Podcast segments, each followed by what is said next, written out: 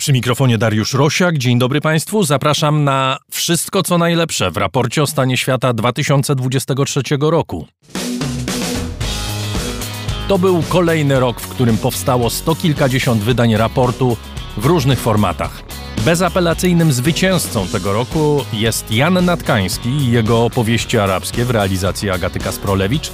Wszystkie odcinki są dostępne na naszej stronie, a w tym plebiscycie celowo wyłączyliśmy je z konkurencji, aby dać szansę innym. Co się okazało? Mieliśmy rok już nie jednej, ale dwóch wojen.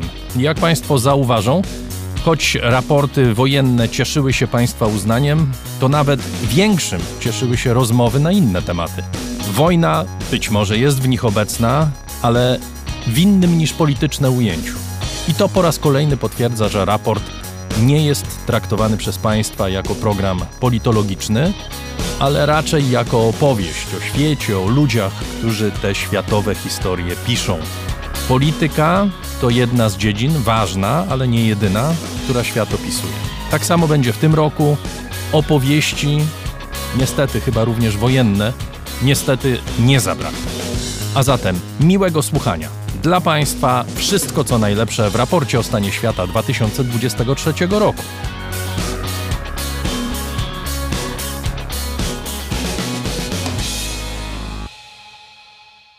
Kwaraza, Beri, Kisufim, Cholit, Niroz to nazwy niektórych z kibuców zaatakowanych przez Hamas 7 października. To miejsca, które uosabiają jeden z najważniejszych elementów wspólnotowej kultury Izraela. W kibucach dookoła Gazy mieszkali specyficzni ludzie, otwarci na dialog, na współpracę z Palestyńczykami, bardzo krytyczni wobec obecnych władz Izraela. I to oni przede wszystkim padli ofiarą Hamasu. Jak ta tragedia wpływa na myślenie Izraelczyków o sobie, o Palestyńczykach, o przyszłości ich kraju, czyli Izraela? Jak wybrnąć z takiej traumy i czy w ogóle się da? Do rozmowy na ten temat zaprosiłem Małgorzatę Wosińską, antropolożkę, psychotraumatolożkę z Uniwersytetu Warszawskiego. Witam cię serdecznie. Dzień dobry. Może zacznijmy od tego, co to jest kibuc, czym jest to miejsce w kulturze Izraela i w ogóle w świadomości Izraelczyków. Przed powstaniem państwa Izrael były takie malutkie osady, można powiedzieć, współpracy, głównie dla młodych ludzi, silnych. One były oparte na przetrwaniu, żeby w ogóle funkcjonować w tamtej przestrzeni, która nie jest przestrzenią łatwą, ze względów oczywiście krajobrazu naturalnego, temperatury, i nazywały się KWC. I właściwie one nie miały takiej jeszcze idei kibuców. To taki był e, e, prototyp kibucu. Mm, bardzo drobne, bardzo lekkie, szybko przenoszące się, w pewien sposób wręcz nomadyczne. Oprócz tego, że oczywiście były też związane z e, agrokulturą, no ale taką małą skalę. Idea kibuców pojawiła się dopiero na początku XX e, wieku i właściwie pierwszy e, kibuc, Dagania, założony w 1910 roku, był pomysłem Żydów z Europy Środkowo-Wschodniej. I idea kibucu to była idea mocno osadzona w myśleniu socjalistycznym, marksistowskim i syjonistycznym. I różniła się OKWC od tych takich drobniutkich organizacji tym, że była od razu nakierowana na myślenie wielopokoleniowe, na to, żeby tam były młodzi, żeby byli młodzi ludzie, dzieci, starsi, żeby to nie była agrokultura tylko na małą skalę, ale żeby była na wielką skalę, żeby nie tylko przetrwać. Czyli duże przedsiębiorstwa, tak? tak? Nawet bym nie powiedziała przedsiębiorstwa, raczej po prostu chodziło nie o przetrwanie, tylko tak jakby o życie, o skierowaniu się ku przyszłości. Jakby kibuc był myśleniem o przyszłości, przyszłego państwa Izrael, narodu Izraela. Więc od razu myśleliśmy o większej skali. Myślimy o większej skali. I ta większa skala na początku faktycznie dotyczyła rolnictwa, ale dzisiaj już wiemy, że to jest przedsiębiorstwo, produkcja. Są nawet kibuce, które zajmują się high-techem, ale też to są kibuce, które zajmują się na przykład turystyką. Więc pierwszy kibuc Dagania był założony w 1910 roku i on funkcjonuje do dziś. Kibuty są bardzo małe, na przykład od 80-100 e, osób, po bardzo duże, po 1500 osób i są bardzo różne. To znaczy ta idea marksistowska, ta idea lewicowa mocno, idea syjonistyczna, myślę, że w wielu przypadkach już wygasła na rzecz właśnie prywatyzacji i działania na zasadzie przedsiębiorstw, co oczywiście też jest sensowne. Chociaż są oczywiście cały czas kibuce, które są na przykład skierowane na y, studiowanie religii, tak. albo na medytację. W każdym razie w większości tych miejsc to myślenie wspólnotowe, ty mówisz, że ten ideał sionistyczny czy ideał lewicowy jakoś gdzieś umyka. Ale ciągle jest. W nowoczesności, ale ciągle on Absolutnie. jest, prawda? Ciągle jest, zwłaszcza w tych małych społecznościach, które właściwie działają nie na zasadzie przedsiębiorstwa, tylko czegoś, co nazywamy w socjologii wspólnotą intencjonalną. Czyli jest pewna wspólnota, która oprócz pracy ma też jakieś ideały. Um, na przykład ja byłam w kibucu, mieszkałam w kibucu i pracowałam, który był e, w ogóle oparty na myśleniu filozoficznym Krishnamurtiego. Czyli był duchowy, był mocno związany z medytacją, z byciem tu i teraz, z uczeniem się o samym sobie, ale nie był to kibuc religijny. Ale są też kibuce stricte religijne, a są też kibuce, które w ogóle, nie wiem, zatopione są w kulturze, czy we, właśnie w działaniu na rzecz pokoju. Mówimy i wskazujemy na tą wartość wspólnotową, dlatego, i tu już przeskakuję do tego, co się wydarzyło na początku października, że akurat te kibuce, które otaczały Gazę, to w większości były kibuce bardzo silnie nakierowane na myślenie wspólnotowe i myślenie wykraczające poza samych Izraelczyków. To znaczy, współpracujące bardzo silnie z Palestyńczykami. Prawda? Myślę, że wszyscy młodzi ludzie, którzy przeprowadzali się do kibuców, których wspomniałeś, do Eberi, zresztą Beri jest bardzo podobne do Neot Semadar, w którym ja mieszkałam, jest oparte mocno na duchowości. Tej duchowości współpracy, tej duchowości e, ku pokoju, ku dialogowi międzykulturowemu. Um, Nir Os, e, z którego gdzie mieszkał Alek Danzig, który, jest, który został porwany przez Hamas, został sprywatyzowany dopiero w 2018 roku, więc idee przez cały czas tej współpracy były tam absolutnie obecne. A jak mówimy o współpracy, to o co konkretnie chodzi? Na przykład chodzi o, o współpracę, o taką pomoc humanitarną często. E, na przykład o to, że jeżeli w, w, Palestynie są osoby, które potrzebują na przykład pomocy medycznej, no to umożliwiało im się na przykład e, przedostanie do e, szpitali izraelskich. Chodziło o współpracę edukacyjną um, na zasadzie dialogu międzykulturowego, miękkich narzędzi po prostu, takich jak sztuka, jak muzyka, um, jak um, szeroko pojęte działania społeczne skierowane ku integracji dzieci. Chodziło też o to, że na przykład w kibucach po prostu pracowali Palestyńczycy. I, ta, e, I ten dialog był nie tylko jakby poprzez granice, ale też w samych kibucach, bo jakby wspólna praca, bo idea w kibucy jest też taka, że poprzez wspólną pracę poznajemy siebie nawzajem i wspólna praca nas umacnia, nas jako jednostki indywidualne, ale również nas jako grupę. I ta, w tej pracy nie chodzi o wyzysk, to nie jest kołchos.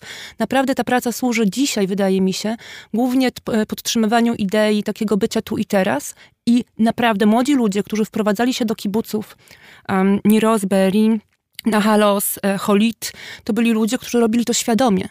Oni nie chcieli funkcjonować w przestrzeni Tel Awiwu, nie chcieli funkcjonować w takim Izraelu, w którym rząd, no, ostatnio bardzo zradykalizowany, właściwie od ostatnich 20 lat, uniemożliwia im funkcjonowanie w tej idei utopii, tej idei utopii, ale przecież e, artysta, o którym wspominaliśmy, e, wspominaliśmy wcześniej, Karawan, no, uważał, że ta utopia to nie jest tylko utopia, tylko właściwie to jest warunek konieczny. Więc ludzie, którzy się wprowadzali do tych kibuców, którzy mieszkają tam teraz, którzy teraz niestety musieli zostać ewakuowani, e, to byli ludzie, którzy robili to świadomie.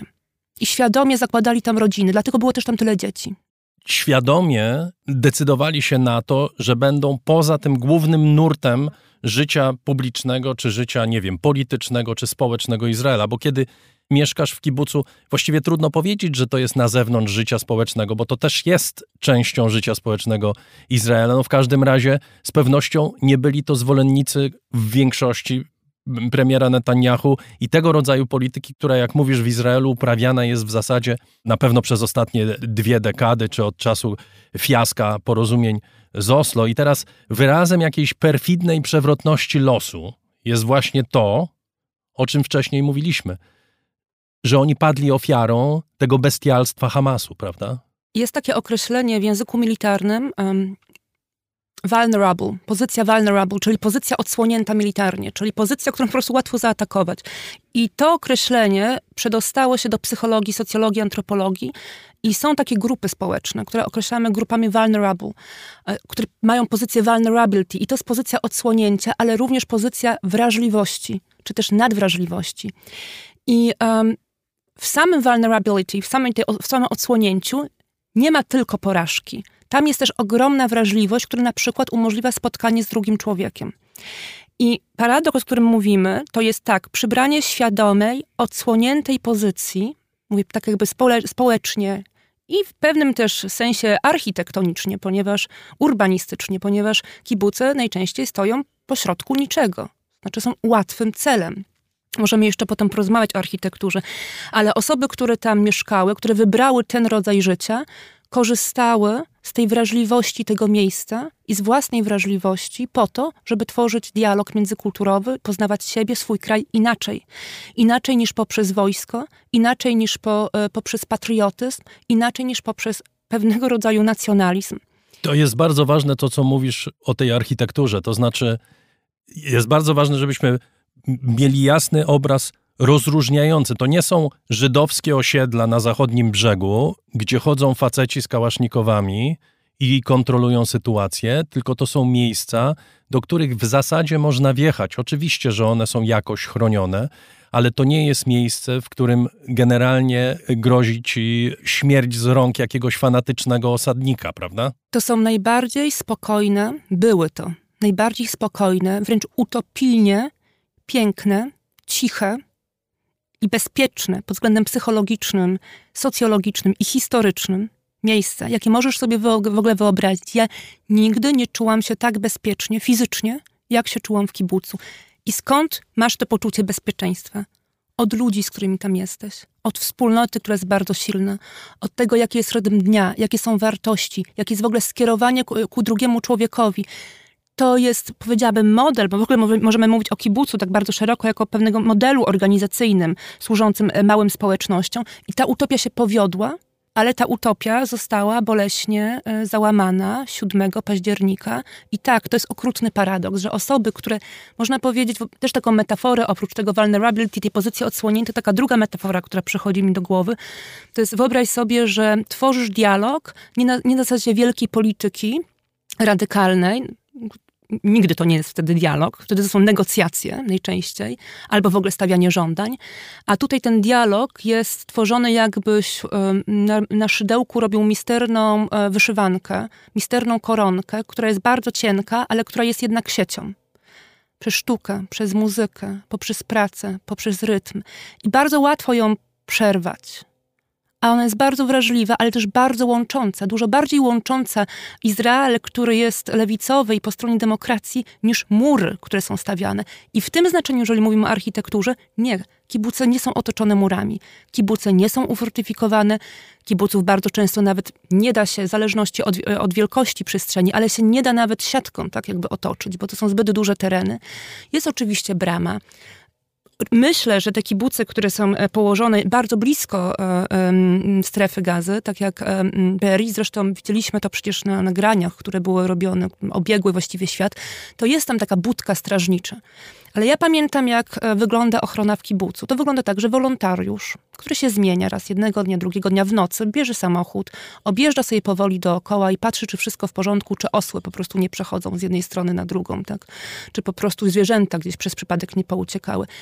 Nie potrafię tobie powiedzieć, kto w kibucu miałby mieć broń. Oczywiście podejrzewam, że są takie osoby, ale to nie jest jakby idea, czy to nie jest informacja, która jest dostępnie publiczna. Te kibuce, które są położone blisko strefy gazy, są domy oczywiście, większość domów ma, można powiedzieć, takie schrony, ale to nie są mocne schrony taki mocny schron. No to, są ludzie przyzwyczajeni do tego, że po prostu są ostrzeliwani z gazy. To nie, tak, nie więc... zaczęło się 7 października, tylko trwało przez wiele lat. Tak, więc schrony są, ale to nie są też takie schrony, które na przykład, to jest był jeden z większych problemów, które się na przykład zamyka tylko od środka. Znaczy teraz po prostu wszystkie te informacje, które mamy przez cały czas wypływają, to było wszystko nagrywane na żywo przez Hamas. Jeżeli, e, jeżeli to było też rodzaj broni, prawda, e, broni psychologicznej, e, że egzekucje czy wchodzenie do domów kibucowych były nagrywane często też były streamingowane i widzimy po prostu, e, że osoby, które były na przykład e, w schronach również nagrywały na telefon komórkowy, jakby zostawiając e, po sobie jakieś ostatnie świadectwo w obliczu śmierci. I powtarza się ten motyw, że te drzwi otwierają się od zewnątrz że ktoś po prostu trzyma klamkę. Więc jeżeli mówimy o architekturze, to ona jest w pewien sposób, jest obecna, architektura ochronna, ale jest bardzo lekka. Nikt się na to nie przygotował. Chciałem odwołać się teraz do twojej wiedzy jako antropolożki, jako psycho traumatolożki. Jak to wszystko, co się dzieje, wpływa na Izraelczyków, czy jak to wpływa na Żydów? Ja ostatnio słuchałem podcastu z udziałem Michaela e, Sfarda, zresztą prywatnie wnuczka Zygmunta Baumana, znanego polskiego socjologa, który mówił o tym, że ten atak, zresztą, żeby było jasne, Michael Swart to jest prawnik, który od wielu dekad y, pomaga Palestyńczykom w sądach izraelskich. To jest dokładnie tego typu postać, o której mówiliśmy z pewnością człowiek, który poświęca życie na to, żeby ulżyć Palestyńczykom w przejawach dyskryminacji, których ofiarą padają w Izraelu. I on mówił o tym, że ten atak to jest uruchomienie w Żydach tego jakiegoś atawistycznego strachu, z którym każdy z nich żyje i z którym każdy przebywa w momencie, kiedy orientuje się, że jest Żydem. To znaczy strachu, że Shoah może się powtórzyć, strachu, że ktoś jeszcze raz może przyjść i nas wszystkich wymordować. Właśnie to się stało dla tych 1400 ofiar, które padły z rąk y, y, hamasowskich terrorystów. To jest coś, co stanowi w tej chwili podstawę tej traumy, którą przeżywają Izraelczycy i cały Izrael? Ja bym powiedziała tak, na dwóch poziomach, bo to, o czym mówisz, o tym najgłębszym lęku, czyli lęku, że Shoah się powtórzy i właściwie to był dzień, kiedy można powiedzieć od Shoah pierwszy raz powtórzyło się wobec cywilów coś tak nieoczekiwanie brutalnego. Mm, ale tam jest, zaraz do tego dojdę, ale tam jest jeszcze jeden lęk. Jeszcze raz bym wróciła do kibuców może. Osoby, które przyjeżdżają do kibuców, y, często po służbie wojskowej, świadomie wybierają bycie w kibucach, żeby zapomnieć o tym, czego doświadczyły w wojsku. Jest wiele wspaniałych filmów prawda, na ten temat, który się mierzy z traumą nie, nie tyle Holokaust, który jest w cieniu, bo mówimy, że holo, jest Holokaust obecny gdzieś to przez cały czas w, cie, w cieniu bardzo podświadomej konstrukcji społecznej. To jest też bardzo ciekawe, zresztą o tym powiem, dlaczego się o Holokauście tak naprawdę dużo nie mówi. Ale ta trauma pierwsza, która mi przychodzi do głowy, to jest trauma po prostu młodych ludzi, którzy są straumatyzowani przez wojsko. I e, trauma nie jest wcale taka łatwa. I przez to, co musieli w tym wojsku przechodzić, tak, prawda? Tak, to znaczy, oczywiście. my pamiętajmy, żyjemy w kraju, w którym arabscy obywatele są dyskryminowani, Palestyńczycy, w których czasem 18-19-letni chłopak dostaje broń i musi wykazać, nie wiem czy musi, w każdym razie wykazuje brutalność i przemoc wobec na przykład starszych osób na przejściach granicznych, na checkpointach. I to jest coś, co zostawia ślad. Oni tam przyjeżdżają, jak rozumiem, do kibucu po to, żeby się wyczyścić z tego tak, wszystkiego. I założyć rodziny na innych zasadach, na innych wartościach. Kibuc jest też taką alternatywą właśnie dla życia po traumie wojska i e, może e, jeszcze tak powiem, że to nie jest miejsce, gdzie się o tym dużo mówi, bo kibuce nie mają na celu psychoterapii poprzez mówienie, ale poprzez poczucie bezpieczeństwa, pracę fizyczną, wspólne działanie, to na pewno.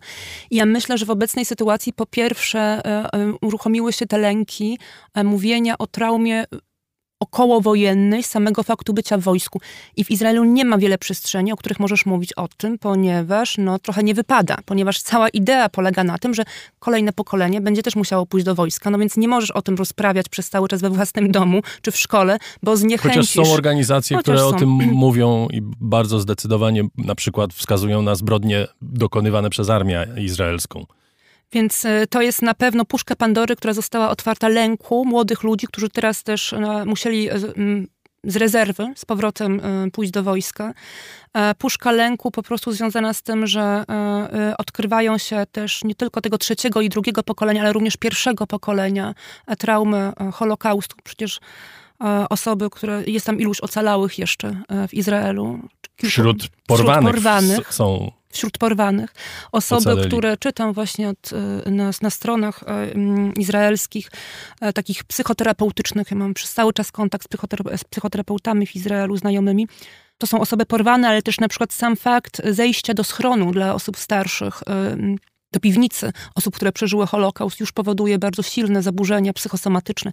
Więc zarówno to dotyczy, dotyczy, pierwszego pokolenia e, holokaustowego, ocalałych, jak i bardzo młodych ludzi, którzy e, przeżywają swoją retraumatyzację po byciu w wojsku. I jeszcze jest nad tym ten atawistyczny lęk, o którym powiedziałeś, który nie dotyczy pierwszego, drugiego, trzeciego pokolenia w Izraelu, ale również Żydów, którzy są poza Izraelem. To jest lęk przed tym, że Holokaust się może drugi raz wydarzyć. Ja nawet nie mówię o holokau Holokauście żydowskim, tak, ale raczej też mi chodzi o taką po prostu tragedię unicestwienia cywilów. I oczywiście myślę też teraz, jestem myślami po stronie gazy. Po prostu mówię o bestialstwie, o zezwierzęceniu, o dehumanizacji, że ona się naprawdę może w XXI wieku wydarzyć. I myślę, że ten lęk atawistyczny nie dotyczy tylko społeczeństwa w Izraelu, tylko wielu Żydów e, poza Izraelem. Czytałam mm, wspaniały tekst napisany 14 października przez e, wybitną badaczkę mm, Judith Butler, e, filozofkę, bardzo taki wrażliwy, właśnie tak jakby tkała koronkę, a nie dawała statement. Ona jest przecież po stronie praw człowieka, bardzo Państwu polecam Judith Butler. I pisała o swoich doświadczeniach fizycznych lęku, pomimo tego, że jest przecież w Stanach Zjednoczonych, rozdrgania wręcz.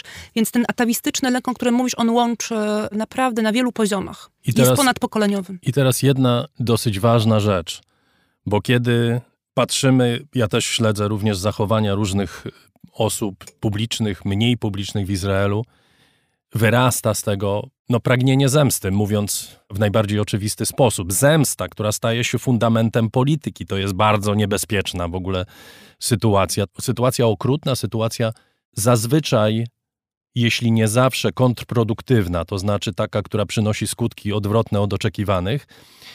Być może ona, tak jak mówisz, wyrasta z tych najbardziej mrocznych czeluści duszy, ale generalnie ona ma też taką cechę, że pomija kompletnie cierpienie drugiej strony, prawda? My mamy również ze strony Izraelczyków y, w tej chwili takie obrazy, jakby pomniejszające cierpienie ludzi z gazy. Y, pojawiają się jakieś głupkowate filmy, pojawiają się wystąpienia ludzi, którzy mówią: Słuchajcie, to wszystko. Owszem, to wszystko jest winą Hamasu, ale to nie zmienia faktu, że w gazie ludzie cierpią. Czy to niebezpieczeństwo, że nawet ci, którzy do niedawna brali pod uwagę cierpienie Palestyńczyków, dla których to było ogromnym obciążeniem, ogromnym jakimś brzemieniem, po prostu tego brzemienia się pozbędą, dlatego że Hamas o to zadbał jakby. Bardzo się nad tym zastanawiałam i jak słuchałam e, wypowiedzi też kuratorki, kuratorki wystawy Karawana powiedziała no bardzo dokładnie, bardzo dobitnie, że e, atak terrorystyczny, atak na cywilów spowodował wojnę, a ta wojna spowoduje kolejny atak na, cy na cywilów. Więc tak jakby ta e, reakcja, która wynika z wojny i reakcja, na którą wszyscy czekamy w napięciu, co się wydarzy w Gazie, jest traktowana przez lewicowych Izraelczyków jako katastrofę. I mówiła to kuratorka, ale mówiła to też dziewiętnastolatka, która ocalała z BRI z, z wielkim gniewem, z wielkim gniewem oskarżając rząd Netanyahu o przemoc wieloletnią, która zaraz skończy się katastrofą i skończy się atakiem równie bestialskim. I wobec tego w jej postawie był ogromny sprzeciw. Kiedy czytam wypowiedzi znajomych e, z kibuców, właśnie tych lewicowych na Facebooku, których jest bardzo dużo, że ludzie się bardzo uaktywnili. I to nie jest właśnie tak, że oni wstawiają zdjęcia, pomódlmy się, i zdjęcia związane z martyrologią za tych, którzy zginęli, są raczej nastawieni na uwolnienie zakładników i modlą się, nawet ci, którzy nie wierzą, o to, żeby nie doszło do tragedii w gazie, przeciwstawiają się rewanżowi. I teraz pytanie jest, jak długo to taka postawa może funkcjonować. Myślę, że osoby, które wybrały taką ścieżkę w swoim życiu, które z różnych powodów nie wyimigrowały z Izraela, ale stwierdziły, że chcą prowadzić alternatywne życie społeczne w Izraelu, nie stracą nadziei. I dlatego też w rozmowie z kuratorką, w rozmowie wokół wystawy było tyle pytań o nadzieję. Czy ta nadzieja jest możliwa? Ja przez cały czas, kiedy mam kontakt ze znajomymi, mimo tego, że kibuce są zrujnowane, poznikały zwierzęta, znaczy, znajomi mi powiadali e, w Holid, że po prostu szukali po domach, e, kiedy rozminowali, bo tam były domy zaminowane, nie można było wyciągnąć ciał długo. Więc potem się chodziło i wyłączało lodówki, żeby nie było spięcia i szukało się zwierząt, ale zwierzęta zniknęły. I e, nawet w takim totalnym rozpadzie tego życia, bezpieczeństwa i ideałów jakikolwiek, ludzie są po stronie nadziei i ludzie są przeciwko katastrofie, militarnej, bo oni rozumieją to jako katastrofę. I teraz oczywiście, czy to jest utopia? Czy takie myślenie jest utopią? Gdzie trzeba postawić granicę pomiędzy racjonalnością? Gdzie jest obrona, a gdzie jest atak? Co zrobić z cywilami w gazie? Jak oczywiście przeciwstawić się Hamasowi? Wymieść Hamas z gazy, ale jak to zrobić, żeby najmniej prawda, było ofiar cywilnych? To są bardzo trudne pytania i właściwie myślę, że to, co jedynie człowieka trzyma, to jest wybór moralny. Znaczy, ty musisz się jakoś opowiedzieć moralnie. I ja wiem, że jest bardzo wielu ludzi w Izraelu, którzy opowiadają się moralnie przeciwko wojnie i są za pokojem. I tak brzmi to utopijnie, ale oni bardzo głęboko w to wierzą. I ja myślę, że w tej wierze trzeba ich umacniać. To znaczy, ja nie chciałabym nikomu odbierać nadziei, bo nadzieja stoi po stronie człowieczeństwa. I um, dla nas być może jest to niewyobrażalne, ale dla ludzi, którzy są tam dzisiaj, to jest cały sens życia, żeby nie zejść z tej drogi moralnej.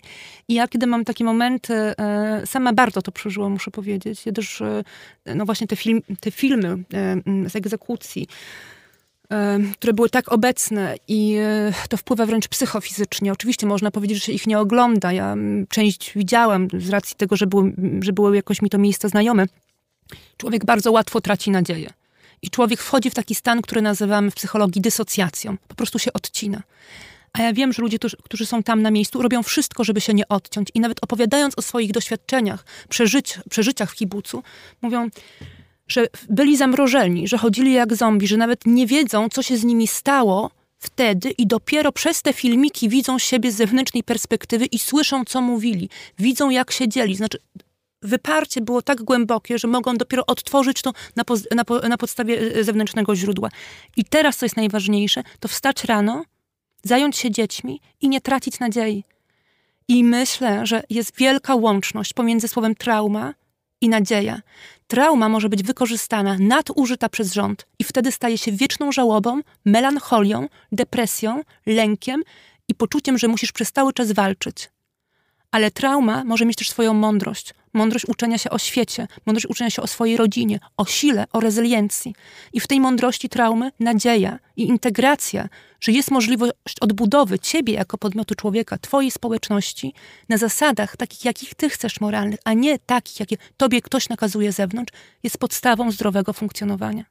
Małgorzata Wosińska, antropolożka, psychotraumatolożka z Uniwersytetu Warszawskiego była gościem raportu o stanie świata. Dziękuję Ci bardzo. Bardzo dziękuję za zaproszenie.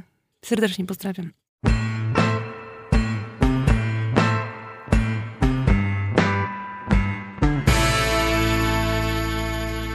Moim gościem jest Jacek Dukaj, pisarz, laureat wielu nagród, przede wszystkim autor wielu książek, w tym książki Po piśmie, a w niej fascynującego eseju pod tym właśnie tytułem Po piśmie. Witam cię serdecznie. Dzień dobry. Próbuję pokazać dzieje człowieka jako następstwo różnych metod transferu przeżyć, piszesz, a jako napęd tych dziejów instynkt wyzewnętrzniania przeżycia. Po co nam ten instynkt? Po co mówimy, pokazujemy innym, kim jesteśmy, co nam się przytrafiło, albo po co piszemy o tym, co myślimy? Nie ma po co tak jest. My się z tym urodziliśmy, mamy to jako gatunek. Możemy tylko w rozmaity sposób to analizować. Ja tam podaję pewne analogie, jak na przykład umiejętnością mm, tkania pajęczyn przez pająków. To nie jest coś, czego oni się uczą od rodziców pająków. Mają to e, nabywane przez transfer genów. I tą umiejęttność potem też przekazują dalej genetycznie. Tak są sformatowane jako gatunek. My jesteśmy tak sformatowani jako gatunek, to można powiedzieć, to jest też część dziedzictwa ssaków, może nawet także innych e, e, rodzajów zwierząt, e, że coś w nas, nawet wbrew innym potrzebom, wbrew innym koniecznościom, pcha do wyzewnętrzniania, czyli wyrzucania na, na zewnątrz w jakikolwiek sposób tego, co mamy w środku, w głowach. W no dobrze, a jak ja ciebie pytam po co, to co to jest złe pytanie? To jest pytanie, dlaczego ja ciebie w ogóle pytam po co? No bo mogę zinterpretować to pytanie w ten sposób. Po co ewolucja nas tak zbudowała, prawda? i wtedy mogę się doszukiwać tam rozmaitych przyczyn. No ale to jest dobre pytanie. No, po co mamy ręce?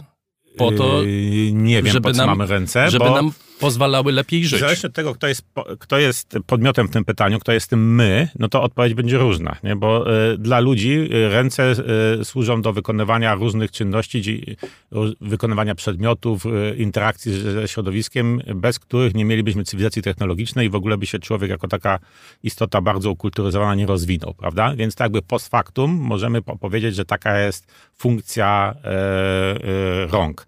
Ale przecież ewolucja, jeżeli możemy ją uosabiać w ten sposób, nie myślała sobie, że zrobię ręce dla homo sapiens po to, żeby on to wszystko zrobił, prawda? Nie taki jest ciąg przyczynowo-skutkowy. My to potem nakładamy jako naszą interpretację, ale to po co? to twoje pytanie po co jest fałszywym pytaniem w tym sensie. Nie? Sobie wyjaśnić w ten sposób. Najbardziej takie y, obiektywne, na ile tu może być obiektywna odpowiedź dana, y, y, wyjaśnienie byłoby takie, że w toku ewolucji na różnych etapach y, mutacji, daleko, daleko przed ssakami, kiedy mieliśmy decyzje, w cudzysłowie ewolucyjne, czy mieć 6 kończyn, 8 kończyn, 4 kończyny, przez presję środowiskową zwyciężył model dla całego ciągu prowadzącego do ssaków, w których mamy cztery kończyny. Na dalszym etapie ewolucji, kiedy doszliśmy już do małp i tak dalej, użycie górnych kończyn stało się do tego stopnia wyspecjalizowane, że straciły funkcję podpierania się w chodzie e, e, jak nogi i zaczęły służyć do innych celów, których dalszą konsekwencją w momencie, kiedy homo sapiens zaczął ukulturyzować, było stosowanie rąk już do takich funkcji jak teraz, czyli posługiwanie się smartfonem, pisanie na klawiaturze, pisanie piórem. Nie? I to jest jakby ciąg zdarzeń, który my możemy Xbox sobie opowiedzieć, ale do żadnego z tych elementów poszczególnych w tym ciągu zdarzeń, nie możemy zadawać takiego sprecyzowanego pytania po co. Tak się zdarzały wypadki na drodze ewolucyjnej, że na końcu tego mamy taki produkt jak homo sapiens z rękami. Jacku, możemy, ale zostawmy to na boku. Po coś to pytanie zadajemy. To znaczy, z czegoś wypływa potrzeba zadania takiego pytania. Po co? Coś się e, dzieje. Ja wiem, z czego to wypływa. To jest, to jest pytanie wypływające z głębokiej potrzeby poczucia sensu u ludzi. Że oni chcą mieć e, przekonanie, o, że, to wszystko nie, że to wszystko nie jest przypadkowe, że to nie jest tak, jak ja teraz opowiedziałem, że to jest wielka loteria genów i mutacji i my tak wypadliśmy z tej loterii, tylko że tam jest jakiś cel, jakiś e, inteligentny projektant albo jakaś moc sensotwórca we wszechświecie i my jesteśmy jej bezpośrednim dzieckiem produktem. Ja w to nie wierzę. Więc jak ktoś w takie rzeczy wierzy, to to jest jakby inny dyskurs, to nie ze mną. Wprowadzasz pojęcie myślunku, nie myślenia, tylko myślunku. Te różne rodzaje myślunku odróżniają człowieka epoki oralnej od człowieka pisma, od człowieka po piśmie. Co to jest ten myślunek? Y, próbujemy znaleźć jakiś, jakąś kategorię odróżniającą nawet nie tyle typy mentalności, bo w ramach poszczególnych tych epok człowieczeństwa oralnego, pisma i postpiśmiennego może znaleźć rozmaite typy mentalności, osobowości, lifestyle i tak dalej. To nie o to chodzi. To jest bardziej y, y, znacznie szersza kategoria, taka, która warunkuje jakie lifestyle, jakie mentalności, jakie sposoby interakcji z rzeczywistością, jakie rodzaje kultury mogą się rozwijać. I stąd mamy myślunek oralny, czyli ten, cały ten zbiór sposobów zachowań, warunków brzegowych, interakcji z rzeczywistością, formatowania umysłu, który jest charakterystyczny dla przekazywania przeżyć, informacji, symboli e, za pomocą wyłącznie języka mówionego. Potem mamy epokę piśmienną, w której się przekazuje głównie za pomocą pisma, czy też przekazanie pismem jest dominujące, no, formatuje nas znacznie silniej niż przekazywanie oralne. To jest myślunek E, pisma. I teraz przechodzimy do epoki podpiśmiennej, której to formatowanie odbywa się głównie za pomocą technologii, jak ja to mówię, transferu przeżyć, czyli takich, które trafiają do, nas, do naszych wszystkich zmysłów. Czyli tak jak ja normalnie bym coś widział na ulicy, słyszał na ulicy, tak już nie muszę być na ulicy, mogę być w dowolnym innym miejscu, a przez technologię rozmaitego transferu dostaję ten pakiet zmysłowy. Obrazy, dźwięki, za chwilę także inne zmysły będą w ten sposób zaspokojane. I to już nie musi przechodzić w żaden sposób symboliczny, bo zauważ, że i mowa, język mówiony, i pismo posługuje się transferem symbolicznym. Przekaz bezpośredni, przekaz dzięki technologii obrazów, dźwięków i tak dalej, nie musi się posługiwać symbolami. I to jest ta drastyczna różnica pomiędzy oboma tymi pierwszymi kategoriami, oralności i pisma, i kategorią postpiśmienną. Przekaz postpiśmienny jest niesymboliczny. Dobrze, zaraz dojdziemy do przekazu postpiśmiennego, ale chciałbym, żebyś przez moment, żebyśmy się skupili na tych dwóch poprzednich epokach. Pokrótce, od oralnej epoki zaczynając, piszesz, że kluczem do zrozumienia tej kultury jest dzianie się. Człowiek w centrum dziania się, o którym potem opowiada, jak rozumiem. I używa do tego już w tej epoce oralnej, już do tego używa symboliki słowa. Tak, no bo z definicji, jeżeli mówi, no to posługuje się słowem, słowa są symbolami. Więc jakby dla mnie to był główny wyróżnik w tym myśleniu o, o tej mm, paradzie rozmaitych y, sposobów transferu przeżyć. Czy człowiek jest zdolny do myślenia symbolami, czy nie jest zdolny do myślenia symbolami. I w większości takich antropologicznych klasyfikacji y, nowoczesny człowiek, czyli homo sapiens, który ma większość takich cech, y, jakie my mamy, czyli uznajemy jakąś ciągłość pomiędzy nim a nami, zaczyna się od momentu, w którym może się posługiwać symbolami.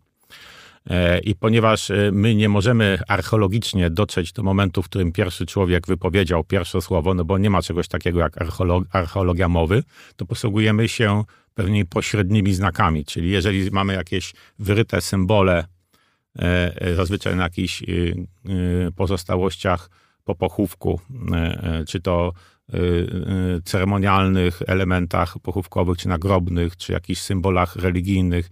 I to myślimy sobie, ok, ten człowiek był już zdolny do pewnego abstrahowania, był zdolny do ujmowania rzeczy, które doświadczał zmysłami w postaci symboli, zastępników tego, co, co, co widzi, słyszy, y, od, odczuwa.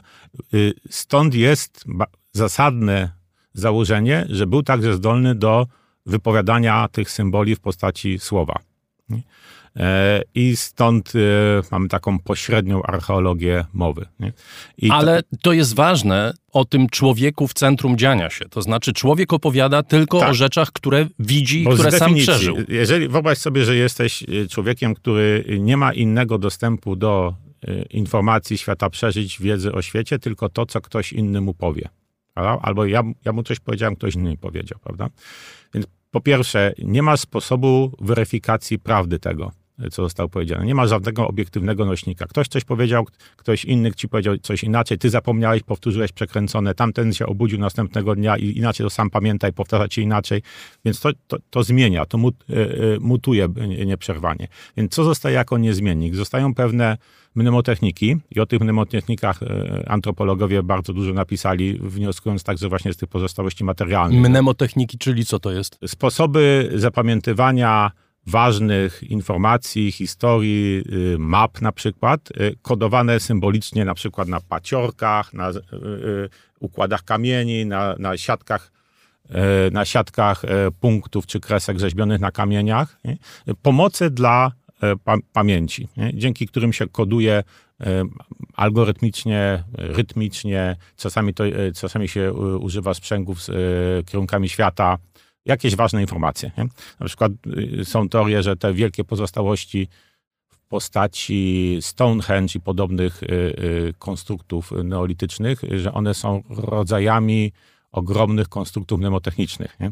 Jak przekazywać informacje w dużych przestrzeniach czasowych, i mówimy naprawdę o tysiącach lat, kiedy nie ma stałych miejsc zamieszkania, nie ma miast, plemiona migrują, wszystko się zmienia i musi mieć jakieś niezmienniki. Nie? I, I, przez długi czas uważano, że człowiek najpierw przeszedł tryb osiadły z, e, z trybu myśliwsko-łowieckiego, zaczął uprawiać e, e, ziemię, stał się rolnikiem, z tego powstały pierwsze osady miasta i dopiero potem zaczęły powstawać te miejsca kultu i te stałe, symboliczne mnemotechniczne konstrukcje. Nie? Potem nastąpiła w latach 70., 80., 90. wylew odkryć głównie w Azji Mniejszej, tak to jest taki kompleks Gobekli Teki w obecnej Turcji, e, gdzie poodkrywano e, ewidentne takie pozostałości konstruktów sakralnych, które nie miały żadnych dookolnych miast, żadnych innych funkcji, a zostały zbudowane da, daleko przed przejściem na tryb osiadły. Czyli jeszcze w, żyjąc w trybie łowiecko-zbierackim, ludzie z jakiegoś powodu czuli potrzebę do budowania w konkretnych miejscach bardzo trwałych, symbolicznych struktur, do których wracali pokolenia po pokoleniach, pomimo różnych zmian klimatycznych, migracji, ale one pełniły jakieś funkcje właśnie symboliczne, mnemotechniczne. Dobrze. To, co jest najbardziej istotne w tej oralnej kulturze, w tej oralnej epoce, to jest chyba też to, że te słowa, które wypowiadane były, właśnie były przyczepione do człowieka. Tak. Prawda? Kultura pisma to jest moment, w którym słowa zostają oderwane od człowieka, istnieją same w sobie. I chyba też sfera przeżyć się poszerza, prawda? W przypadku pisma, bo piszemy o stanach świadomości, o stanach uczucia, tak. co w kulturze oralnej było bardzo ograniczone, jeśli w ogóle istniało. Jest taka radykalna teza Juliana Jamesa, że w ogóle e, pojawienie się e, tych wyższych form samoświadomości, takie, które jak my teraz uznajemy za naturalne, że ja mam w głowie jakiegoś narratora, który opowiada mnie, e, że jestem zdolny do autorefleksji, czyli do takiego spojrzenia na siebie z poziomu meta, że ja nie tylko myślę, ale ja myślę o tym, że ja myślę. Nie? I jestem zdolny do wszystkich tych procesów, które uznajemy za naturalne w epoce psychoanalizy, e, bardzo rozwiniętych szkół e, myślenia o, o podświadomości, o tym, co ukryte. Nie?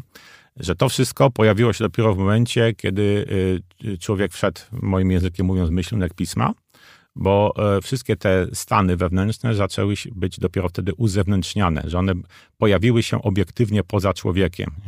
Do, wcześniej, w jego ujęciu, ludzie byli, jak on to mówił, szlachetnymi automatami, w dużym stopniu e, e, pozbawionymi współcześnie rozumianej samoświadomości. I podaję to przykłady z reliktów literatury, mówiąc współczesnym językiem, epoki oralnej, czyli e, wielkich dzieł oralności, jak eposy Homera czy stare księgi Biblii, w których opisywane zachowania ludzi, formy kultury, całe jakby ciągi behawioralne, nie wykazywały, że te postaci, literackie mają jakąkolwiek formę samoświadomości.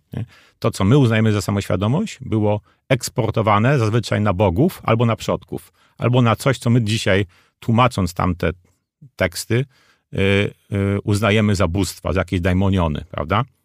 Natomiast dla ówczesnych, ja mówię ciągle interpretacją Juliana Jamesa, yy, to były sposoby eksterioryzowania, y, wyzewnętrzniania procesów wewnętrznych, które nie były samoświadomością w naszym rozumieniu tego słowa. On zaczyna ten cały proces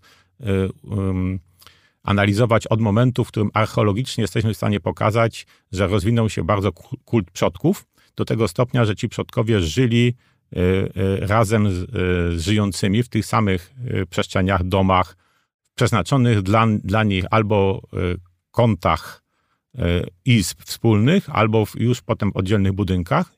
I ci z przekazów mitologicznych, religijnych, ci przodkowie byli uznawani za współżyjących y, z, y, z, z nadal żywymi, ponieważ ci żywi ich słyszeli. Tamci zmarli do nich mówili. Te głosy bez przerwy funkcjonowały w głowach y, żywych i te głosy, według naszej definicji halucynacyjne, były pierwotną formą samoświadomości. Nie? Czyli nie, to ja sobie coś e, zdecydowałem, wyanalizowałem, miałem narrację o samym sobie, tylko ten Bóg czy przodek mi powiedział i ja byłem jego awatarem. Nie? Do tej pory niektórzy w to wierzą, prawda? Że do tej pory to się zdarza. Współcześnie mamy nakładkę tych dwóch form myślenia, czucia, bycia. Zarazem e, e, mamy tą samą świadomość i jesteśmy sami sobie, e, w stanie sami o, siebie, o sobie powiedzieć, że jestem człowiekiem religijnym, coś tam wierzę, uważam, że istnieje Bóg. Nie? I, I zarazem kontynuuję tą tradycję zbudowaną jeszcze na tamtej eksterioryzacji, że ten Bóg, to bóstwo, tamte siły zewnętrzne coś do mnie przemawiają, czegoś ode mnie chcą. Nie? Albo przodkowie to robią. Albo przodkowie. Dobrze, ta, ta sfera nie ma granic, to znaczy nie ma, ta sfera opisu, ta sfera świadomości w opisie nie ma granic. My kończymy właściwie na dekonstrukcji pisma w tej chwili, prawda? To znaczy możemy mówić o strategii pisania, o symbolice pisania, możemy dekonstruować tą symbolikę, możemy dochodzić do tego, że słowa nic nie znaczą, albo że słowa znaczą wszystko, że nie istnieje rzeczywistość, że ona jest zawarta w słowach.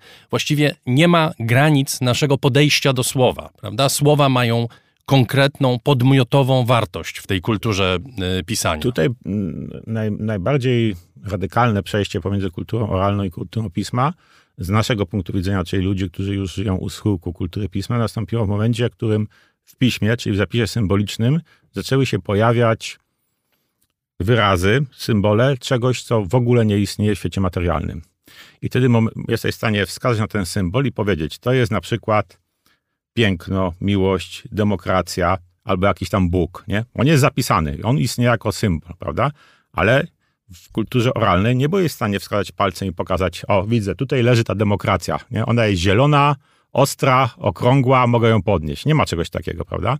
I więc ta cała cywilizacja oparta na myśleniu o abstraktach, na operowaniu na nich, na budowaniu piętrowych metafor, na budowaniu konstrukcji już potem matematycznych, bo matematyka jest też bez, bezpośrednim wykwitem operowania na symbolach. Nie?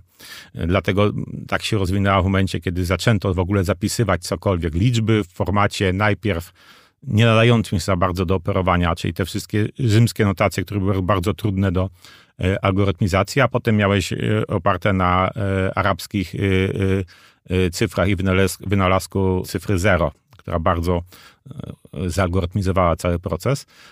I, I, to zbudowało u nas tą naturalność myślenia o ideach, posługiwania się ide, ideami aż do stopnia, w którym świat idei czyli rzeczy, które nie istnieją w świecie materialnym, nie jesteś w stanie ich dotknąć, poczuć, usłyszeć, zastąpił nam e, świat rzeczywisty. Czyli dla wielu ludzi świat idei jest pierwotny wobec świata rzeczywistego. Nie? I to jest bezpośredni produkt kultury pisma, najwyraźniejsza z mojego punktu widzenia różnica pomiędzy kulturą pisma i kulturą oralną. Nie?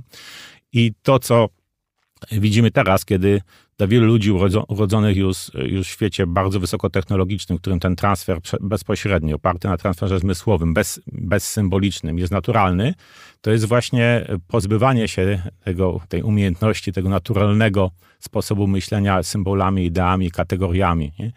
Stąd zastęp, jak ja to opisuję w rozmaitych dziedzinach życia, zastępuje je myślenie uczuciami, przeżyciami czyli tym, tym, co nie wymaga e, operowania abstraktami, kategoriami, ideami. I tu wchodzimy do kultury postpiśmiennej, gdzie mówisz, liczy się jakość przeżyć. Jest to, co widzimy, słyszymy, przeżywamy i jeśli istnieje jakakolwiek hierarchia, to czym bardziej przeżywamy, czym bardziej żyjemy, to tym bardziej jest to dobre, jest lepsze, tak? Jest, na pewno jest bardziej prawdziwe. W, jest bardziej w, prawdziwe. W współczesnym rozumieniu tego Ale e, słowa. Czy, czy to nie jest w pewnym sensie powrót przynajmniej do jednego elementu epoki oralnej, to znaczy, że człowiek znowu jest w centrum dziania się. Wydaje mi się, że tu jest podstawowa różnica pomiędzy tym, że e, ówcześnie nie, były, nie byliśmy w epoce oralnej, nie byliśmy w stanie w jakikolwiek sposób zachować, zarejestrować, uzewnętrznić samych przeżyć. Nie byliśmy w stanie na nich pracować. Nie było, nie było czegoś takiego jak przeżycie poza człowiekiem, prawda? Człowiek coś przeżywał, mógł co najwyżej po tym coś opowiedzieć słowem, ale to przeżycie nie istniało poza nim.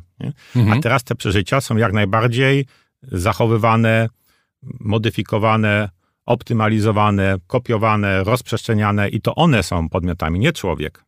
Człowiek jest, jest tylko ich odbiorcą, a coraz ta nierównowaga pomiędzy przeżyciami a człowiekiem jest coraz większa. Jest jedna rzecz, być może tutaj warto o tym wspomnieć. Ty piszesz o pornografii jako idealnym w tym postpiśmiennym świecie rodzaju transferu przeżyć. To znaczy bez kontekstu, bez człowieka właśnie, bez czasu, bez związków przyczynowo-skutkowych liczy się tylko i wyłącznie to, nazwijmy to przeżycie, czy po prostu akt, który... Tak, siła w życia, pewien pakiet emocji, to jeszcze najniższy takich e, napędzanych hormonami, instynktami, e, gdzie cała reszta jest bez znaczenia. To, to jest pewien produkt naszej kultury, który wydaje mi się ładnym pars pro toto dla całego tego procesu. Można na nim wskazać wielu takich y, związków przyczynowo-skutkowych i treningu technologii.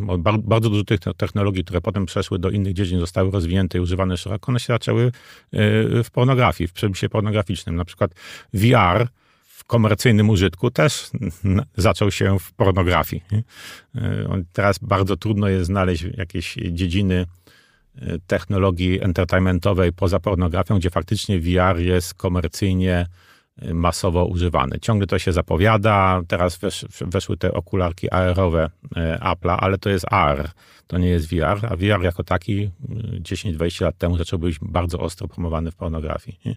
Więc on, y, pornografia jako taka jest pewnym y, wykorzystaniem antropologicznego kształtu człowieka, bo człowiek ma popędy seksualne, ma zmysły takie, jakie ma, jest, y, istnieje kumulacja wiedzy o tym, w jaki sposób najskuteczniej go pobudzać, w jaki sposób wykorzystywać tą naturę człowieka. No i pornografia jest tą dziedziną, która to się y, bardzo łatwo, wyraźnie ujawnia. A ponieważ ona jakby jest wstydliwą częścią kultury człowieka, więc nie ma o niej dużo analiz, nie mówi się o niej w sposób otwarty, więc to nam umyka trochę. Nie? Natomiast z punktu widzenia biznesowego, tam jest dużo takich rzeczy, które można się nauczyć, nauczyć z, z biznesu pornograficznego. Inna rzecz, że e, w tej chwili na skutek innych zmian kulturowych i cywilizacyjnych, głównie tych związanych z tą całą rewolucją woke i, i, i przesunięciem pewnych wartości w kulturze zachodu, e, zmienia się myślenie o tym, co jest e, wstydliwe, nieobyczajne, normalne, nienormalne między innymi rodzaj promocji seks workingu obecnie, który przesuwa nam te granice tego, co jest pornografią, co nie jest pornografią, co jest w mainstreamie, a co jest jakby na marginesie. To jest duża zmiana kulturowa. Ja mam wrażenie, ona jest właśnie w dużym stopniu związana z tym, że jako normę promuje się rzeczy, promuje się. Nikt tego nie promuje. No właśnie zmiana technologiczna to wynosi na wierzch te rzeczy, które grają głównie na naszych emocjach.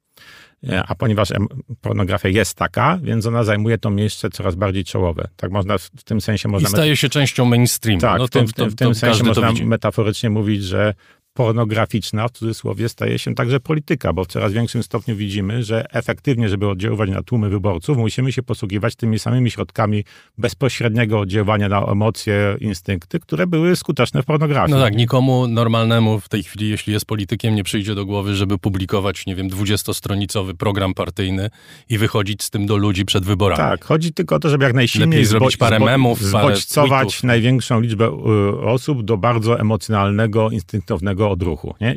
Czym to się już teraz różni od pornografii, to jest już bardzo wąska e, różnica.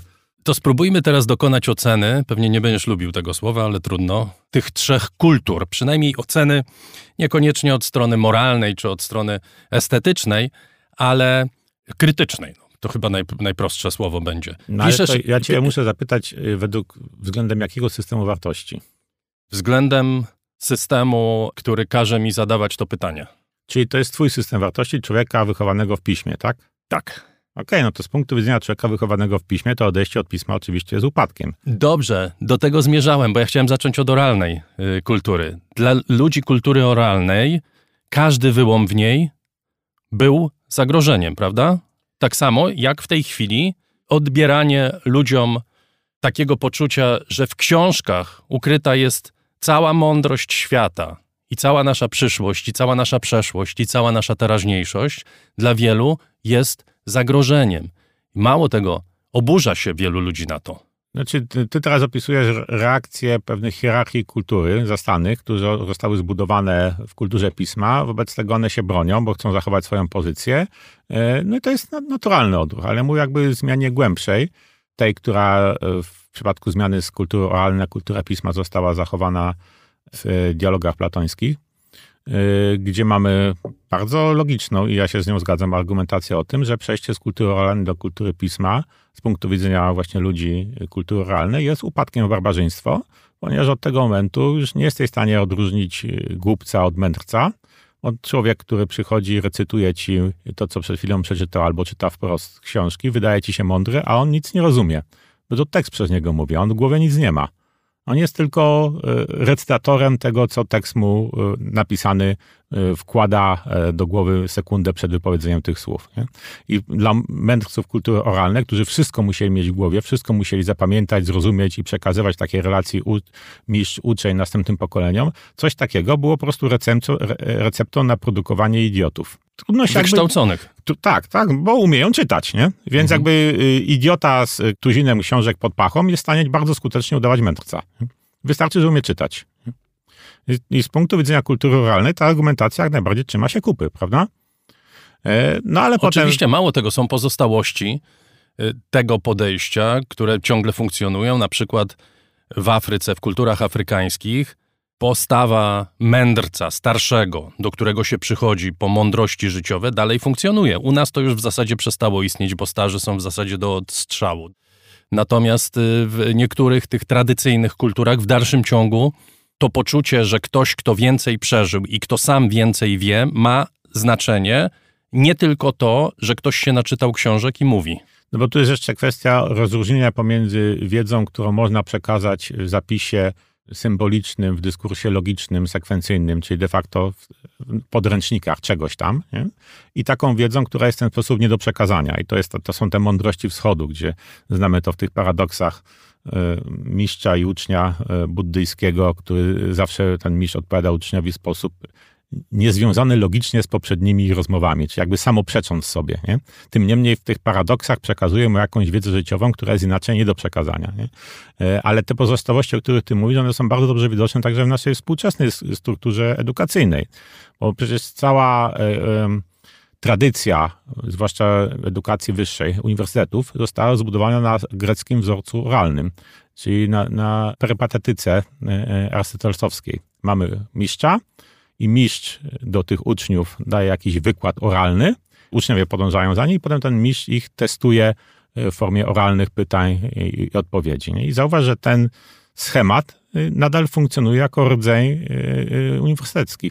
W ten sposób się kształci jeszcze studentów. Coraz mniej, bo teraz studenci decydują o tym, czego się powinni uczyć, które Tak, rzeczy są słuszne, którzy, którzy ten- ten- wykładowcy ten mają fetysz- prawo, a którzy nie mają. Ten fetysz przekazu tego, oralnego. Chociaż Tak. w wielu dziedzinach wiedzy teoretycznie nie ma żadnego powodu, dla którego ten y, uczeń, student nie powinien sobie raczej przeczytać tego, aniżeli ma siedzieć i słuchać tego samego, co ten wykładowca powiedział 15 tysięcy razy już na innych wykładach. Nie? Dobrze, ja cały czas się zastanawiam, czy to, co nazywasz kulturą postpiśmienną, to nie jest jednak wtórną oralnością, taką oralnością Nie, nie. na technologicznych sterydach. Z wielu, Czło- powodów, z wielu powodów nie. Poczekaj, poczekaj. Człowiek jest istotą racjonalną, przynajmniej zakładam, tak? Nie, nie jest. Dobrze. Ale idzie po najmniejszej linii oporu. To znaczy, jeżeli ma coś osiągnąć, to wybiera taki sposób, który jest najłatwiejszy w większości przypadków. Wybiera taki sposób transferu przeżyć, transferu danych, transferu informacji, który pozwala osiągnąć cel, który sobie założył, w najmniej inwazyjny sposób. Na Da- przykład, Daniel, jeżeli Daniel cel. Kahneman by się z tobą radykalnie nie zgodził. Przede wszystkim większość ludzi... Nie no, Kahneman by powiedział, że jak mam skręcić w lewo, to skręcę 14 razy w prawo, żeby nie skręcić w lewo, bo w Tak. lewo jest trudniej. Dokładnie. No to, Pomimo tego, to że w lewo może, mówię. pomimo tego, że w lewo może być najbardziej racjonalnym wyborem. To zależy, jak rozumiemy racjonalność, no bo wiesz, jak skręcę w lewo, to mogę wpaść pod samochód i się zabić, Je- albo jest, jest taki, jest komuś krzywdę aforyzm, który zrobić. to ładnie po- podsumowuje, nie? że e, człowiek jest taką istotą, która robi to, co słuszne i racjonalne, kiedy już wypróbował wszystkie inne metody, już nie może nic innego zrobić.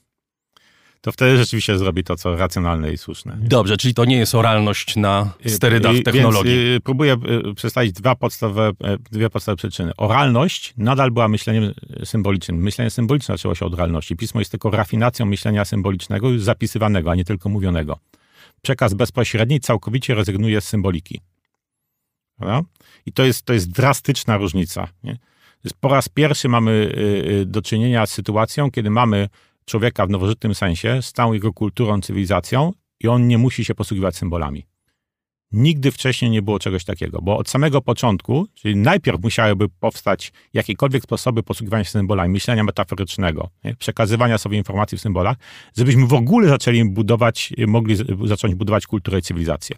A teraz zbudowawszy tą kulturę i cywilizację, dzięki technologii, która jest produktem tej kultury i cywilizacji, doszliśmy do tego etapu, w którym już nie musimy posługiwać się symbolami.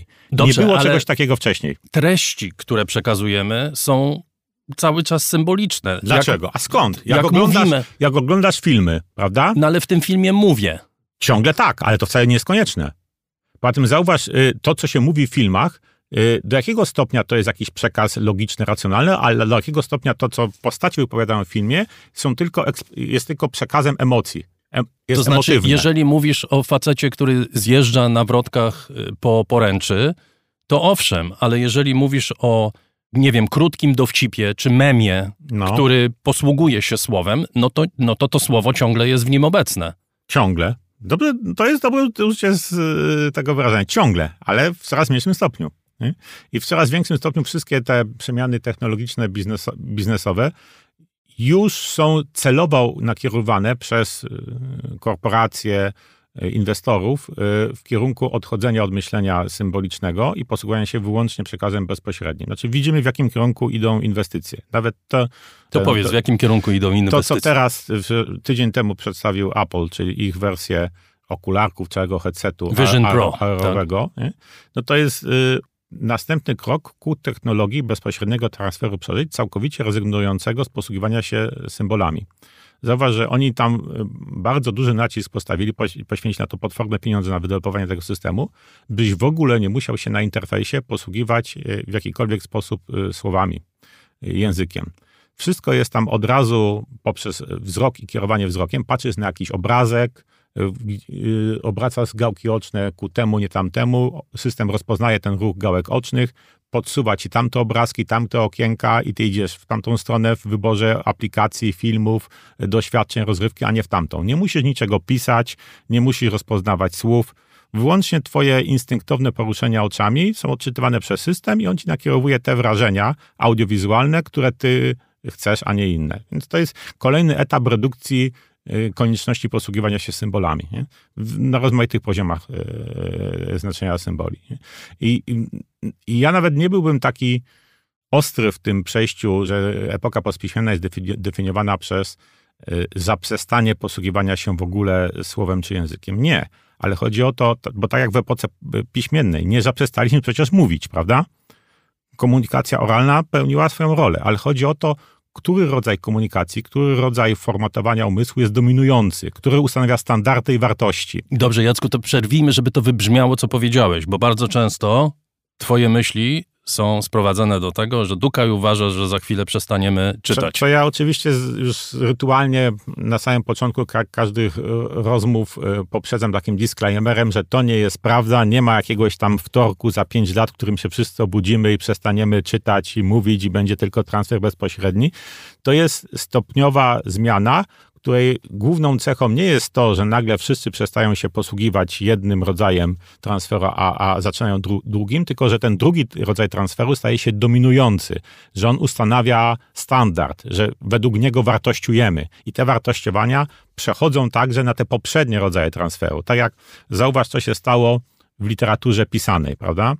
Że możemy zobaczyć dokładnie, jak się zmieniał standard, trendy, mody w literaturze pisanej powieściopisarstwie pod wpływem wchodzenia następnych technologii transferu bezpośredniego, czyli fotografii, radia, kina, telewizji. Nie? W jaki sposób na przykład zostały wypukiwane z literatury opisy. Jeszcze w XIX wieku opisy były ogromną częścią literatury, ponieważ nie było sposobu fotografowania czy filmowania, więc żeby, żeby czytelnik sobie od, zbudował w głowie te wizualne krajobrazy, on musiał mieć to wszystko w symbolicznie w słowach podane. Nie? Od momentu, kiedy już nie musisz mieć tego transferu, zostają, zostają wypukiwane. Następny etap... Co nie znaczy, że takie fragmenty nie istnieją, kiedy Philip Roth w amerykańskiej sielance opisuje na 70 stronach technologię robienia rękawiczek, prawda? Które w Oczywiście. zasadzie ten opis do niczego nie służy, poza tym, ale żebyśmy się dowiedzieli, zauważ, jak się robi rękawiczki. Zauważ, ja mogę znaleźć piękne przykłady z różnych dziedzin. Na przykład y, w literaturze fantastycznej opisy nadal pełnią kluczową rolę, ponieważ tam z definicji pojawiają się rzeczy, które nie istnieją w naszym świecie, więc nie możesz ich sfotografować, sfilmować, więc żeby sobie czytelnik mógł je przedstawić, musisz je nadal opisywać, nie?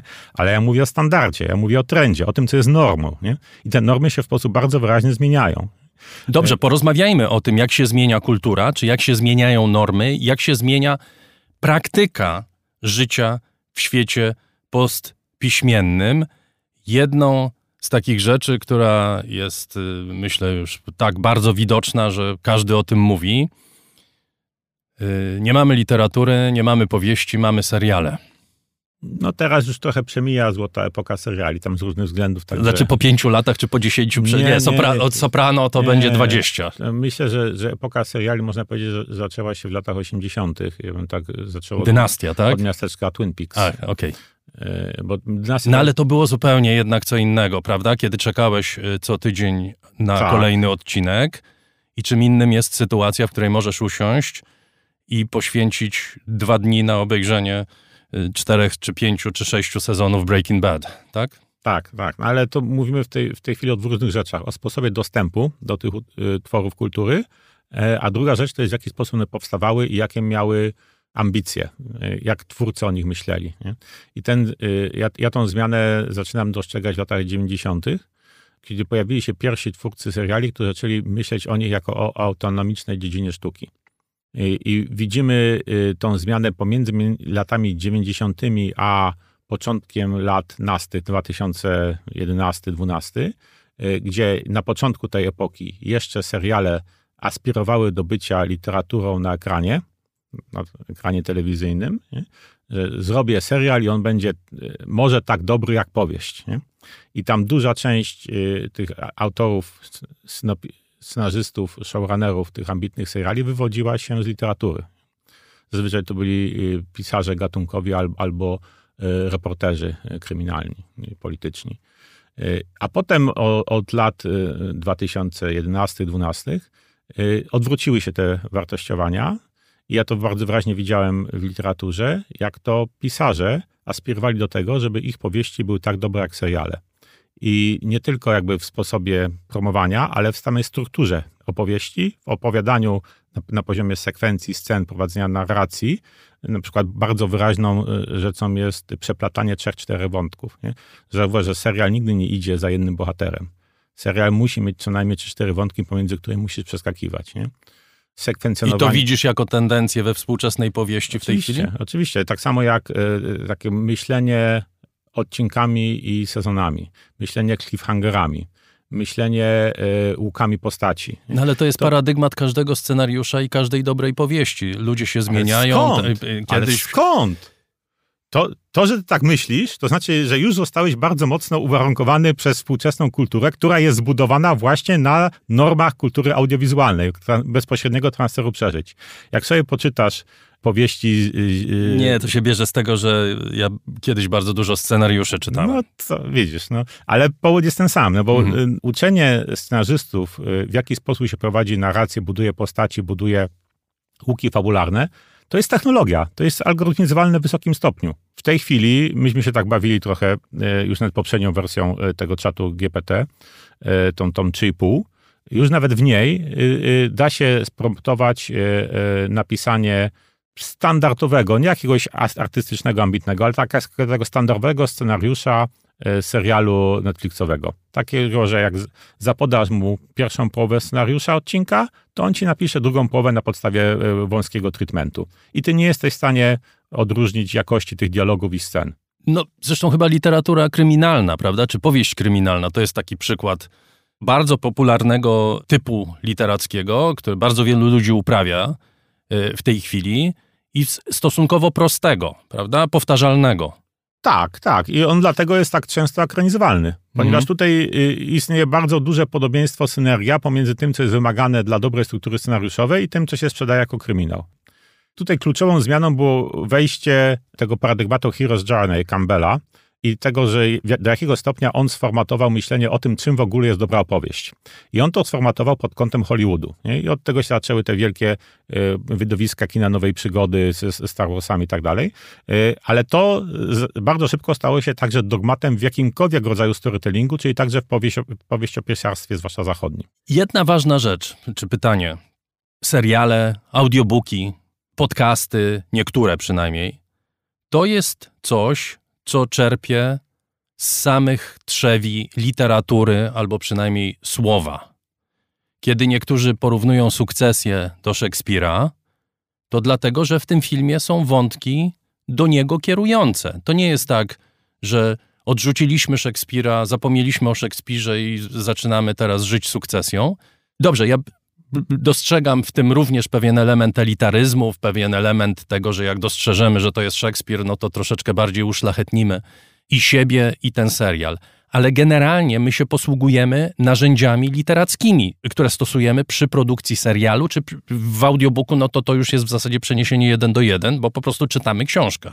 Ale to teraz pomieszałeś bardzo dużo różnych rzeczy, bo au- audiobook to jest po prostu nagranie audio e, książki, literatury, która powstała jako zapis. Może pomieszałem, ale pytam na się o to, czy rzeczywiście jest tak, że literatura umiera. Y, Zdefiniuj literaturę. Autorska, spisana opowieść o świecie i o ludziach. W jaki sposób odbierana? Przy pomocy czytania albo innymi sposobami. Jeżeli także innymi sposobami, no to e, cała produkcja audiowizualna także w tym sensie jest literaturą. No właśnie, to o tym mówię. I tu rozumiem, że nie mamy tego, problemu. jak- jak czyli, czyli w literaturę. postpiśmiennym świecie istnieje miejsce na powiem ci literatu- jeszcze, dla jeszcze literatury. bardziej. Istniała, literatura istniała przed literaturą. Tak, w sensie oralnym. Tak, Tak, ponieważ literatura ja- jako wiedza o tym, samoświadomość literacka powstała w momencie, kiedy dominowało pismo. I wtedy zaczęto jakby kodyfikować, an, autoanalizować, ale już przedtem istniały ogromne twory, które uznajemy za arcydzieła literatury, jak właśnie saga o Gilgameszu, Homer, y, pierwsze księgi wielkich religii. Uznajemy je za dzieła literackie, one powstały w kulturze oralnej. Dopiero w pewnym momencie zostały zapisane nie? i przetrwały y, w tej formie zapisanej. Ale jak, wyobraźmy sobie, jaką ogromną ilość arcydzieł słowa mówionego nigdy nie poznamy, bo przepadły niezapisane, a to przez te 100 tysięcy lat, co najmniej 100, jeśli nie 150 tysięcy lat, homo sapiens w ten sposób tworzył kulturę, wyłącznie oralnie. Nie? Nie wyobraź sobie, że mamy jakiegoś podróżnika w czasie, który jest w stanie się tam cofnąć i usłyszeć to, i zapisać. No to dopiero będziemy mieli eksplozję niesamowitej ilości literatury przedliterackiej. Nie? Bo literatura jakby jest definiowana jako posługiwanie się literami, nie? etymologicznie. Nie? nie posługiwali się literami, niemniej tworzyli literaturę w tym sensie, jaki został zdefiniowany w epoce pisma. Nie? Więc my możemy powiedzieć, że możemy teraz powiedzieć, że istniała literatura przedliteracka i istnieje literatura postliteracka. Nie? I teraz e, fakt jest taki, że nadal, żeby w ogóle tworzyć jakiekolwiek duże dzieła audiowizualne, musimy się posługiwać zapisem symbolicznym. Twórcy się muszą nim posługiwać Y, z bardzo prostej przyczyny, mianowicie te dzieła są tworzone zespołowo. Czyli nie może jeden człowiek siąść sobie i wyłącznie z podświadomości, ze snu, z tego, co ma w głowie, wytworzyć wielkie dzieło audiowizualne. Nie ma jeszcze takiej technologii. Więc żeby Czyli po... czasy Francisa Forda Coppoli, wielkich scenarzystów amerykańskich, którzy tworzyli te filmy, się kończą. Dlaczego? Nie zrozumiałem pytam, tego. Pytam o to. No, w tym sensie, że kiedyś dobry scenariusz był zazwyczaj dziełem jednego człowieka, może dwóch. A ja nie mówię o scenariuszu, bo tu chodzi o to, żeby to e, dzieło powstało, czyli żeby mhm. do tego, że to widzisz na ekranie. Nawet je, e, jeżeli wtedy pisał to jeden scenarzysta, chociaż teraz też rzadko się to zdarza, że pisze jeden scenarzysta, wtedy też się rzadko zdarzało. My to pamiętamy jak e, ex post, jako legendy powstające w ten sposób, powstających w ten sposób dzieł, ale to zazwyczaj są teamy całe scenopisarskie. Ale powiedzmy, to nawet mamy jednego scenarzysty na początku, ale potem mamy tak, producentów, co najmniej kilku, mamy reżysera. No tak, mamy... no konstrukcja więc filmu wiadomo. To, więc to wszystko powstaje w zespole. Żeby, to, żeby zespół mógł stworzyć takie dzieło sztuki, czy nawet dzieło rozrywki, kultury, to oni nawzajem muszą rozumieć, co mają robić. Czyli muszą mieć jakąś instrukcję przekazywaną za pomocą języka, symboli, prawda? No bo nie masz telepatii, oni inaczej się nie, nie porozumieją, prawda? Natomiast jeżeli masz artystę, który jest w stanie samodzielnie, jed, własnoręcznie, jednoosobowo wykonać jakieś dzieło, mamy, nie wiem, malarza, nie? mamy poetę, nie? to on sam nie musi wiedzieć, dlaczego i jak to dzieło powstaje. On nie musi mieć tej naświadomości, nie musi mieć tego zapisu procedury, nie musi mieć tego symbolicznej, symbolicznej instrukcji. Budzi się, coś mu przyszło do głowy, maluje, nie wiem co namalowałem, tak mi się przyśniło. Patrzcie na to dzieło, prawda? I to jest ta główna różnica pomiędzy sztuką, jak ja to mówię, tradycyjnie rozumianą tego, z tego natchnienia greckiego, że Dionizo się tam wchodzi, szaleje w głowie i coś powstaje, i tym, co teraz mamy jako procedurę, jako sztuczną inteligencję, procesującą się na ludziach, którzy produkują kulturę. Bo od momentu, kiedy zaczynasz spisywać te całe instrukcje, te, te, algorytmy powstawania rozmaitych dzieł sztuki, kultury, to te algorytmy, te same procedury stają się autorami, a ludzie stają się tylko ich wykonawcami. I im bardziej to się optymalizuje, im większa jest wiedza o tym, jak skutecznie tworzyć dobre, czyli oglądalne, takie, które się podobają, dzieła sztuki audiowizualnej, tym bardziej to te procedury są autorami, a ludzie są tylko trybikami w maszynie. I to widzimy w, w, na obecnym etapie, jak się produkuje wielkie produkcje filmowe, seriale. Ludzie są wymienni. Bardzo rzadko się zdarza, że mamy jakiś serial naprawdę autorski, czy film naprawdę autorski. To, się, to są ewenementy. Nie? Natomiast kultura powstaje jako produkt maszynowy, pewnego rodzaju skumulowanej wiedzy o człowieku, o tym, co mu się podoba, trendów biznesowo-technologicznych oraz rozmaitych tam wypadków entropijnych. Ktoś umarł, e, mamy e, COVID, e, mamy jakiś konflikt biznesowy jednej wielkiej korporacji z drugą i to nam miesza w trybach produkcji. I, i, i tak powstają produkty kultury obecnie. Co się dzieje z polityką w czasach postpiśmiennych? Jak uprawia się polityka? No to widzimy na co dzień. Polityka to jest gra na emocjach, na bezpośrednim takim pornograficznym bodźcowaniu mas, żeby lubiły tego, nienawidziły tamtego, utożsamiały się z jakimiś e, lifestyle'ami, e, pakietami Polityka wartości. tożsamościowa jest chyba idealna tak, dla tych tak, czasów. Tak, tak, tak. tak. I, I, to nie jest żaden, żadna perwersja, wybryk natury, tylko to jest po prostu kumulacja wiedzy o tym, w jaki sposób skutecznie wpływać na człowieka. Człowiek jest jaki jest. Nie? I my po prostu coraz lepiej poznajemy, w jaki sposób nim manipulować. Ale może są granice epoki postpiśmiennej. Jak uprawiać astronomię postpiśmienną? Wszelkie nauki ścisłe wymagają myślenia symbolicznego. To są, są takie dwie dziedziny, A zatem? Y, o tym pisałem y, dosyć wyraźnie, których nie da się w ogóle y, pracować, rozwijać bez posługiwania się symbolami i to są wszystkie nauki ścisłe wymagające jakiejkolwiek podbudowy matematycznej. Od matematyka, fizyka, logika, czyli tu wchodzi twoja astronomia, chemia, biologia i tak dalej, musisz mieć tam y, y, bardzo rozwiniętą zdolność do myślenia abstrakcyjnego, żeby w ogóle zrozumieć, o co chodzi w tych naukach, nie mówiąc o ich rozwijaniu, oraz prawo. Prawo w klasycznym rozumieniu jest mm, czystym abstraktem. musi abstrahować od konkretnych spraw, musi się posługiwać wyłącznie kategoriami, y, procedurami, po to, żeby było prawem. Inaczej to jest po prostu wola e, autarchy.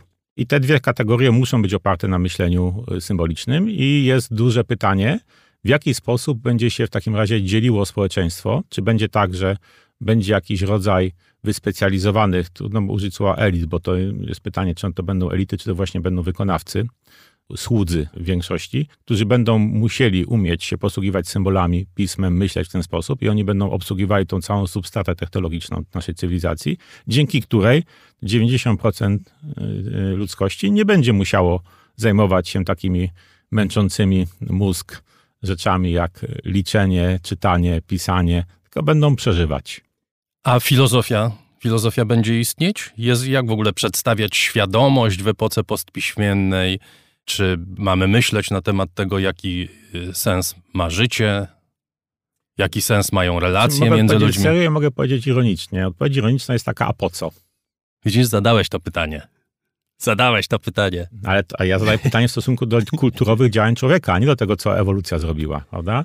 Więc, no y, po to, że jest nam to potrzebne do życia. Mamy taką potrzebę, żeby odpo znaczy, odpowiadać. Kto jest tym podmiotem my? My to jesteśmy ludzie. Którzy ludzie? No poczekaj, bo jak zaczniesz tak szatkować, no to ja oczywiście nie będę w stanie odpowiedzieć na każde pytanie, które będzie brzmiało bo, dlaczego, bo, prawda? No ja, ja, też mogę ci zadawać pytanie cały czas w nieskończoność jakaś, dlaczego. Istnieje jakaś mniejszość, y, do której możesz dopasować dowolnie ekstrawaganckie potrzeby, nie? ale to nie znaczy, że to jest coś, co definiuje całą kulturę człowieka. Ale potrzeby filozofowania generalnie ludzie nie mają albo mają ją w mniejszości. Tak. I zawsze tak było. Więc tu się nic nie zmienia ci, którzy taką potrzebę mają, czy będą mieli, zakładam, że będą istnieć.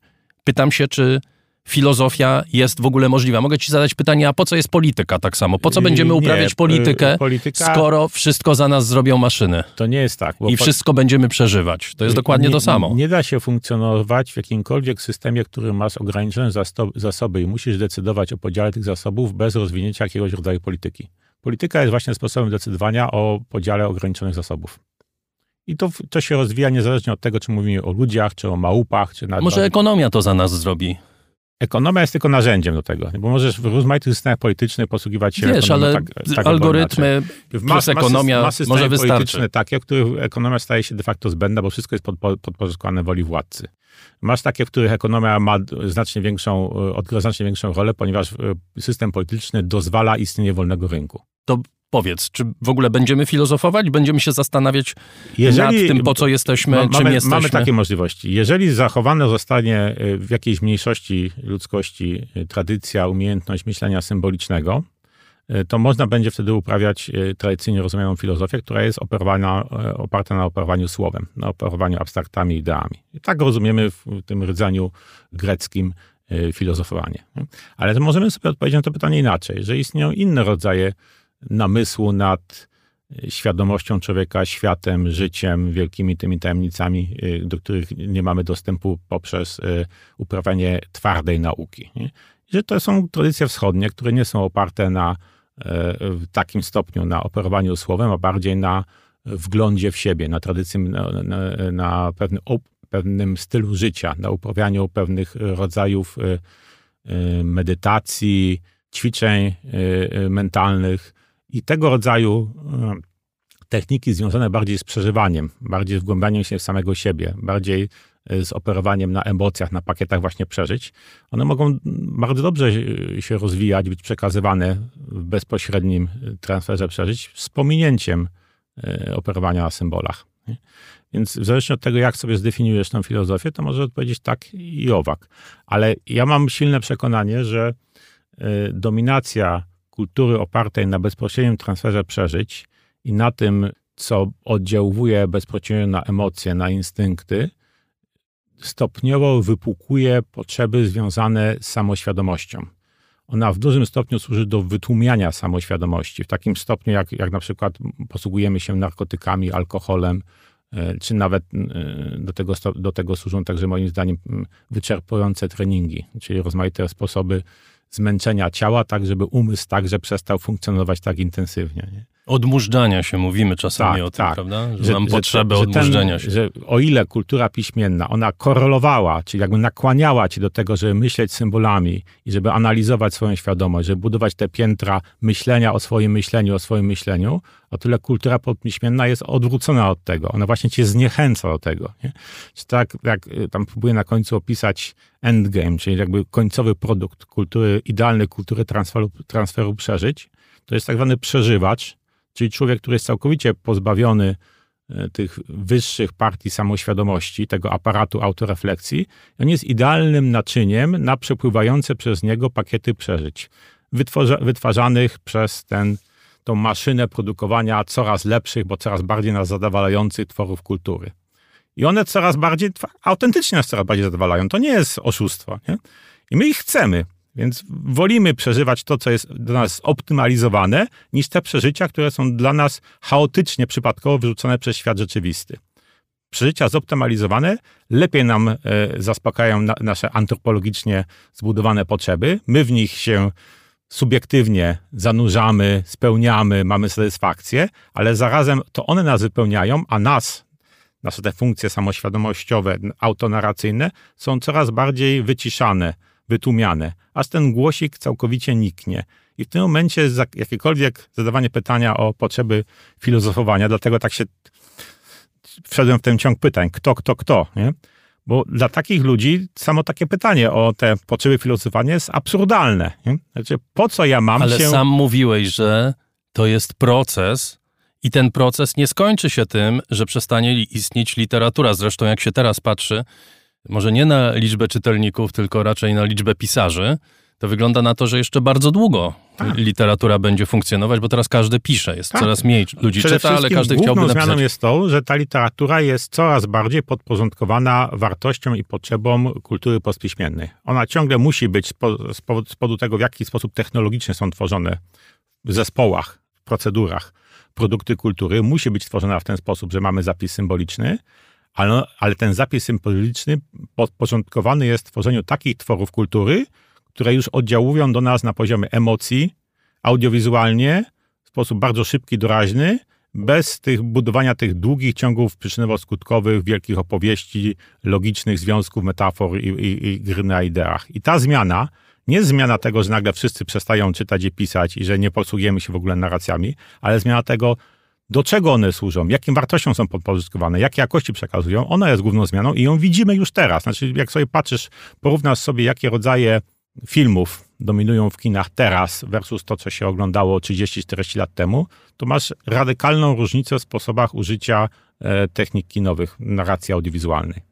To trudno temu zaprzeczyć. I tak samo widać ewolucję seriali. Nie? Co innego teraz jest normą serialową, a co innego było tą normą serialową w tej zło- złotej epoce seriali. Kiedy rzeczywiście te klasyczne seriale z tamtego czasu powstawały przez, y, były tworzone przez pisarzy i były adresowane do tej samej grupy odbiorców, którzy ciągle czytały, y, czytali wielkie powieści. Dobrze, Jacku, kiedy to się wszystko wydarzy? To znaczy, kiedy To są ten... procesy, one się wydarzają na naszych oczach. Jasne, ale ta armia przeżywaczy, zdefiniowałeś czy opisałeś przykład takiego przeżywacza idealnego, który przestaje w ogóle mieć potrzebę myślenia o tym, kim jest, po co jest, dlaczego jest, tylko po prostu przeżywa, non-stop przeżywa. Czy to widzisz w perspektywie 10 lat, 15, 20 czy może 150? My już bywamy takimi przeżywaczami. Chwilami, wieczorem, w zmęczeniu, siedzimy przy YouTubie, klikamy sobie w kolejne klipy na YouTubie, przepływają przez nas bezoporowo. Oczywiście to są chwilowe doświadczenia, nie, nie konstytuują jeszcze większości, ale my już wiemy, jak to działa z naszego własnego doświadczenia. A osobiście znam dosyć dużo osób, które sami się tak definiują, że przepraszam, nie jestem w stanie tego przeczytać, nie? ale opowiedz mi to. Nie? Albo twórców kultury audiowizualnej, którzy nie posługują się narzędziami opartymi na, na słowie, ale są bardzo sprawni w posługiwaniu się narzędziami opartymi właśnie na obrazach czy dźwiękach i są od razu w stanie montować wielkie moduły audiowizualne i, to, i, są przy tym super zdolni. To jest naprawdę bardzo dobrze zrobione. A czy ty mniej czytasz niż czytałeś? Ja osobiście myślę, że więcej, ale mniej z papieru. Papier dla mnie ma pełni taką trochę już rolę fetyszu, czyli wydzielam sobie, aha, to jest taka powieść, eseistyka, czy bardzo często też poezja, którą muszę sobie e, e, czytać w spowolnieniu, w wyjęciu ze świata. Nie? I wtedy czytam ją wyłącznie na papierze, specjalnie to kupuję wydanie papierowe i się wyłączam. Nie?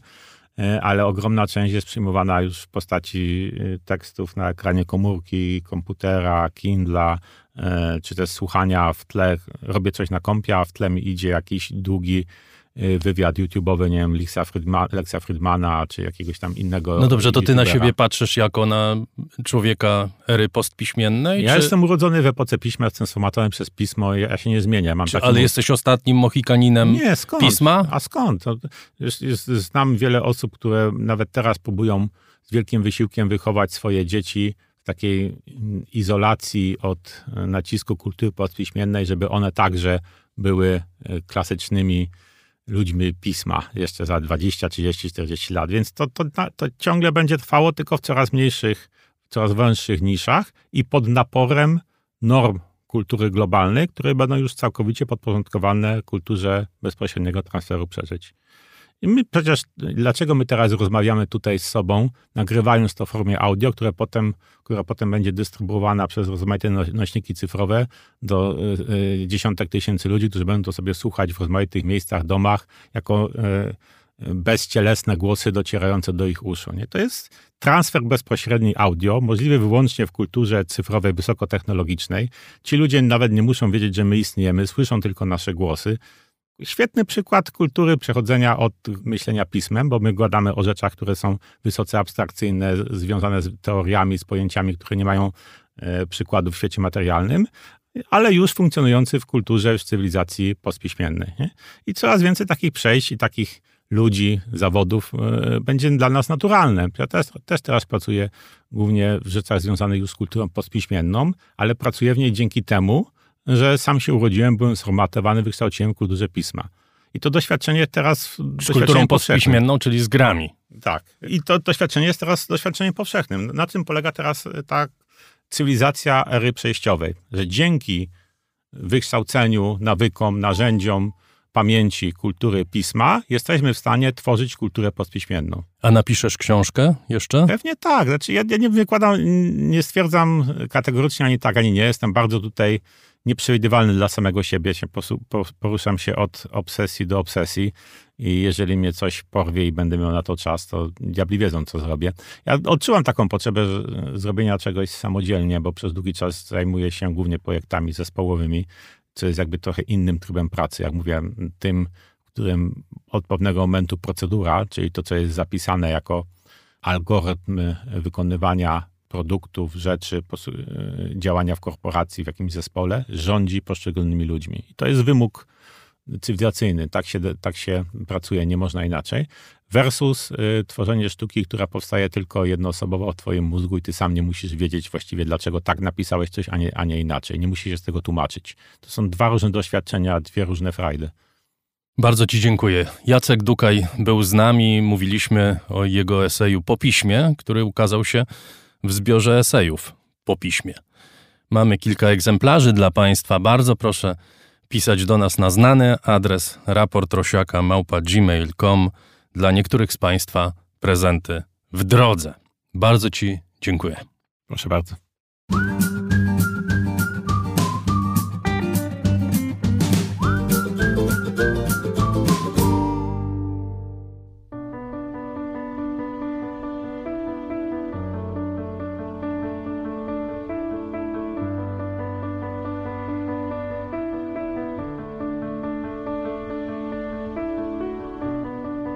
Kiedyś w miejskich autobusach, tych starych jelczach typu ogórek, szczególnie pożądane było miejsce siedzące na samiutkim przodzie po prawej. Z tyłu ścisk, a tu jak się człowiek zdołał przedrzeć, wygodna intymność, panorama przedniej szyby i gość za kółkiem po lewej niby twój private driver. Pogadać z nim jednak nie szło.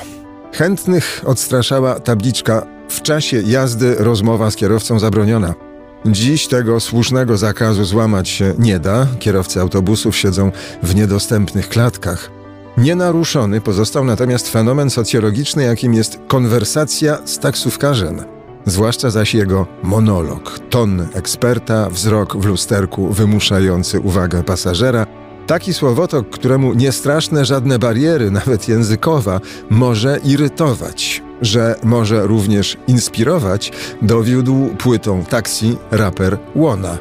Niewiele wynika z kolei z przejażdżko wywiadów, na jakie dziennikarz telewizyjny zaprasza tzw. Tak ciekawych ludzi do auta zamienionego w mobilne studio. Wozi ich w kółko po mieście, pojedynczo, oni sycą swoją próżność, w końcu redaktor, kierowca byle kogo obok siebie nie posadzi. On na rozmowie skupia się nie bardziej niż na uważnej jeździe ze szkodą dla jednej i drugiej. Forma przerasta treść, bójda na resorach. W wanie Maćka Hameli nic z tych rzeczy. Pasażerów zabiera bez selekcji, często w nadkomplecie, z dzieciakami, z tobołami, z kotem chorym ze strachu. Rozkład jazdy i trasę wyznaczają ich potrzeby, a wszystkie są podobne: przedostać się albo tylko wydostać. Kierowca słucha, co mówią, nieraz rzuci do tyłu pytanie, ale nie wyciąga na zwierzenia, nie reżyseruje. Słowa płyną same, kaskadą informacji, strumieniem skargi i rozpaczy. Nieraz porywa je nurt milczenia. Powierniczką jest kamera, towarzyszka podróży. Kierowca ma ważniejsze zadania: ustalać marszrutę z omylnym GPS-em, uważać na miny, omijać dziury w fatalnych drogach i betonowe zapory na checkpointach, odpowiadać wojskowym kontrolom na stałe pytania: broni w wozie nie ma? Skąd i dokąd jedziecie? Z Witky i Kudy z miast, z wiosek, z głuchego odludzia. Z miejsc, do których Rosjanie mogą wrócić albo dopiero przyjść, a dokąd bez znaczenia, mówi jedna z pasażerek. Tam, gdzie bezpiecznie, gdzie wreszcie można się wyspać i nie słyszeć eksplozji. Może być do Polski. Stamtąd tutaj. Maciek Hamela, reżyser dokumentalista już wcześniej znający Ukrainę, jeszcze przed końcem lutego pamiętnego roku kupił pojemny samochód i pojechał na granicę odbierać uchodźców. Potem granicę przekroczył, by swoim vanem świadczyć usługi transportowe potrzebującym i bezradnym. Tak powstał film, ale ważna była kolejność decyzji i hierarchia odruchów. Najpierw pomoc i imperatyw solidarności. Instynkt profesjonalisty odezwał się później. Skąd dokąd jest filmem drogi, jednak to zupełnie inna kategoria niż Easy Rider czy ekranizacja prozy Kerouaka. Dla bohaterów tamtych obrazów droga jest życiem i wolnością, celem samym w sobie. Pasażerowie homeli drogę, samochód i kierowcę muszą traktować jak środki do celu, do przeżycia. Sean Penn pojechał zrobić film o wojnie w Ukrainie. Bernard-Henri Lévy zrobił jeszcze jeden film o sobie na jeszcze jednej wojnie. Przeszkadzał żołnierzom. Homela pomagał cywilom. Nie pokazał wojny wprost, nie czołgał się w okopach, nie dokumentował walki, a wojnę w jego filmie widać aż nadto dobrze, nie tylko w panoramie wypalonych ruin za oknem samochodu. Dowodem istnienia potwora są jego ofiary, pisał Herbert. Jest dowód nie wprost, ale wystarczający. Tak jak wystarczająca bywa cisza, na którą nie ma miejsca, nie ma czasu w relacjach dziennikarskich. Nocą z ekranu smartfonu bije łuna jak od świętej ikony. Podświetla twarz dziewczyny z tylnego siedzenia, Madonny ukraińskiej. Półcień i milczenie przynoszą ulgę, stają się kontrapunktem dla opowieści, o których ciężarze bólu i grozie trudno mieć pojęcie, dopóki się ich nie usłyszy. Za przeprawę ze świata żywych do Hadesu Charon kazał sobie płacić i jeszcze zaganiał do wioseł. Wolontariusz zwana za kurs w przeciwną stronę nie bierze ani obola. Przeprawił tak ponad 400 osób.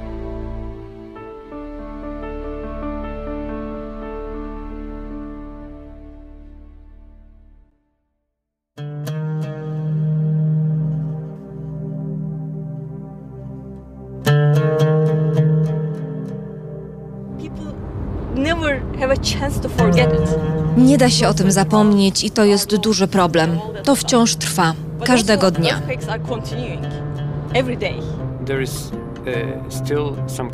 Uh, Czyli jak rozumiem, ludzie ciągle to czują, po prostu pod nogami?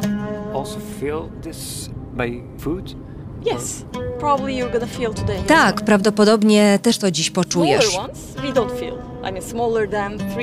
Mniejsze, poniżej 3 stopni w skali Richtera nie są odczuwalne, ale większe już tak. For example, two days ago, there was, or yesterday, I don't remember. Na przykład dwa dni temu albo wczoraj, już nie pamiętam, były dwa trzęsienia. Jedno o sile 4,1, a drugie nawet 5. I nigdy nie wiesz, kiedy będzie to większe, silniejsze. W Adanie wielu ludzi żyje w stanie depresji. Niepokoją się o kolejne trzęsienie, o takie, które może zniszczyć miasto. Destroy the city? Uh, Yeah, destroy the city or another earthquake that will be centered in Adana.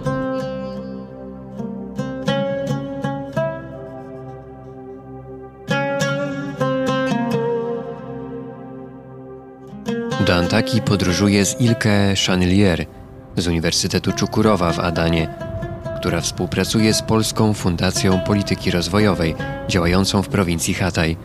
Zadane do Antaki są 4 godziny drogi, a po tej drodze ciężarówki, ciężarówki, ciężarówki. Im bliżej celu, tym więcej. Wiozą kontenery służące do czasowego zamieszkania, wywożą pozostałości miasta. Byle dalej, byle szybciej, choć nie wiadomo gdzie. W trakcie drogi co chwila z daleka wyłaniają się niewielkie wzniesienia w odcieniach szarości, śmieci, które wyglądają jak duchy miasta. Jakby prochy Antaki, która zginęła, zostały rozsiane na całą prowincję Hatay.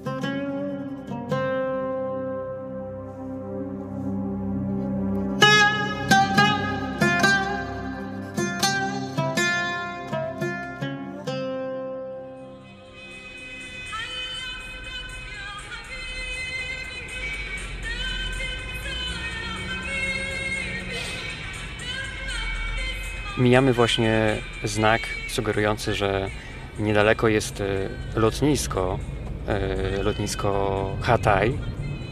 Dziś lotnisko niedostępne po trzęsieniu dla nikogo, chociaż przez chwilę było dostępne. The airport was closed uh, at the beginning for some time. Lotnisko zostało zamknięte od razu po trzęsieniu ze względu na pewne uszkodzenia pasa startowego, ale później po jakimś czasie je otwarto. Co prawda loty nie były regularne, ale można było kupować bilety do Hataju. Od dwóch tygodni znów nie można kupić biletu. Wielu spekuluje, że może z uwagi na wybory, tak żeby ludzie nie mogli wrócić w swoje strony i zagłosować w Hataju. W Turcji wiele ludzi musi głosować tam, gdzie są zarejestrowani. Takie są więc spekulacje. Ja jestem podobnego zdania. In the time limits, they cannot vote. So this this is a speculation, which I also agree. A na horyzoncie nagle, niczym Fata Morgana, wyłaniają się pierwsze fragmenty miasta. Niczym Fata Morgana, bo z daleka wygląda to na taką dużą chmurę pyłową, chmurę kurzu, z której przebijają się góry i z której przebija się miasto. Nigdy nie widziałem miasta po przejściu tajfunu, ani miasta dotkniętego pełnoskalową wojną, ale pewnie tak właśnie wygląda.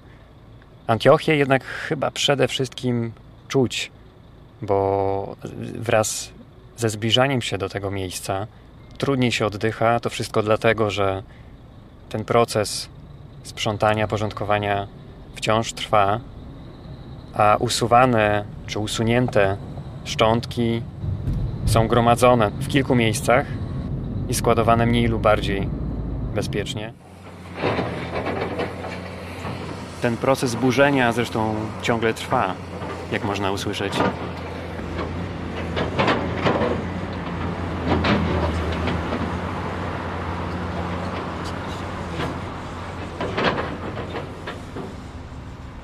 Mieliśmy przejechać tutaj jedną z dróg, ale okazuje się, że została zamknięta. No to organizacja tego życia, także jeżeli chodzi o transport, tutaj wszystko ciągle się zmienia, właściwie z dnia na dzień. We can go here, because it seems that it can be a trouble. Jest droga, ale nie wiadomo tak naprawdę, czy uda nam się nią przedostać. Wszędzie szczątki.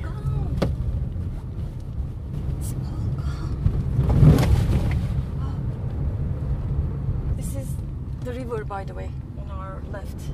Asi River. A tam jest rzeka Asi. Okay, I'm having a navigation problem because all the all buildings are gone. Mamy problem właśnie z nawigacją e, tutaj, ponieważ jak mówi Ilke, no trudno zachować orientację, gdy brakuje tych miejsc, które kiedyś stanowiły punkty orientacyjne i trochę pobłądziliśmy. Na przykład tutaj był budynek e, publiczny, którego już nie ma, szkoła bodajże. I mean, I'm following Asi anyway. I mean, I'm I'm following the river, so Właściwie tylko można polegać na rzece w tym momencie, która jest ciągle w niezmiennym punkcie. We're gonna go across. If I can find a place here, I will. No ten pył kurz czuć tutaj coraz bardziej. In the poster, in the billboard, it says Hatay is home. Home, like in homeland. Mamy baner w centrum Hataju, Antaki, który mówi o tym, że Hataj jest naszym domem. Niemożliwe jest stąd wyjechać, uciec mimo tych, tego, co się stało. Przechodzimy teraz właśnie obok kuchni mobilnej, gdzie ludzie mogą otrzymać jedzenie. Oczywiście większość z tych ludzi mieszka teraz w namiotach, bo ich budynki, domy mieszkalne zostały zniszczone. Te namioty ustawione są właściwie w każdym punkcie miasta, na każdym rogu. Nawet policjanci korzystają z tej pomocy, z tego żywienia. Dalej mamy przenośną piekarnię, gdzie dostarczany jest chleb. Dźwięki generatorów, bo prądu tutaj też nie ma. Pojawia się tylko na chwilę. Duże bojlery z wodą, ważące może nawet około dwóch ton.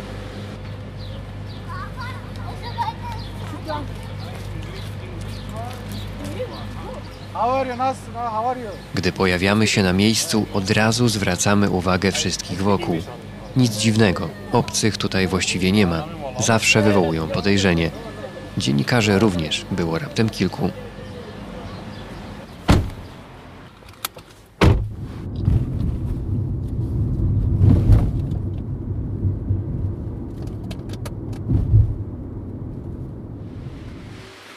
Uzunchashi, dzielnica bazarowa, stare miasto, jedna z głównych ulic właśnie, po każdej stronie nazwy sklepów. Normalnie, jak mówi Ilka tutaj, to miejsce tętniło życiem.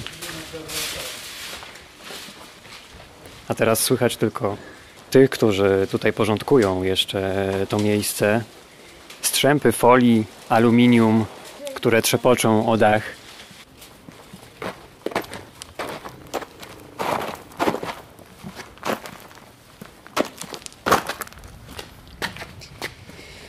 Trudno tutaj przejść, nie potykając się, czy nie zahaczając o, o cegły, o kawałki kamieni.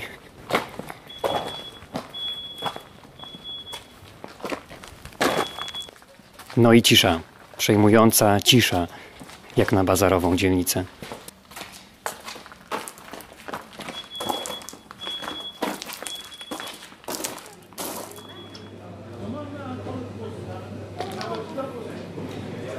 Nieco dalej kolejna ulica i tu już życie częściowo przynajmniej.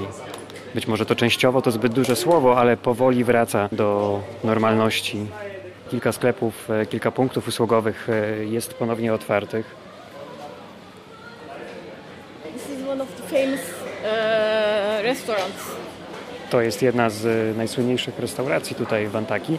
Znów otwarta, jak się wydaje. Bir ay oldu açalım. Çarşıda ilk açanlardan biri. Byliśmy jednymi z pierwszych, którzy uruchomili restaurację czy punkt usługowy. Buranın meşhur bir yemeği var. Ee, tepsi kebabı, kağıt kebabı. Biz onları yapıyoruz. Czyli tutaj sprzedają e, właściwie najbardziej znaną potrawę, czy najbardziej znany kebab w Antaki, czyli tepsi kebab. Bu kağıt kebabı. Bu kendi yağıyla pişiyor. Diğer tepsi kebabı dediğimiz domates salçasıyla pişiyor. Burada bine yakın. To jest jedyny bazar e, w Antaki, który już e, jest tutaj od wieków. Burası çok büyük bir ada. Tu było ponad tysiąc e, miejsc usługowych przed trzęsieniem ziemi. Większość z nich niestety została zniszczonych.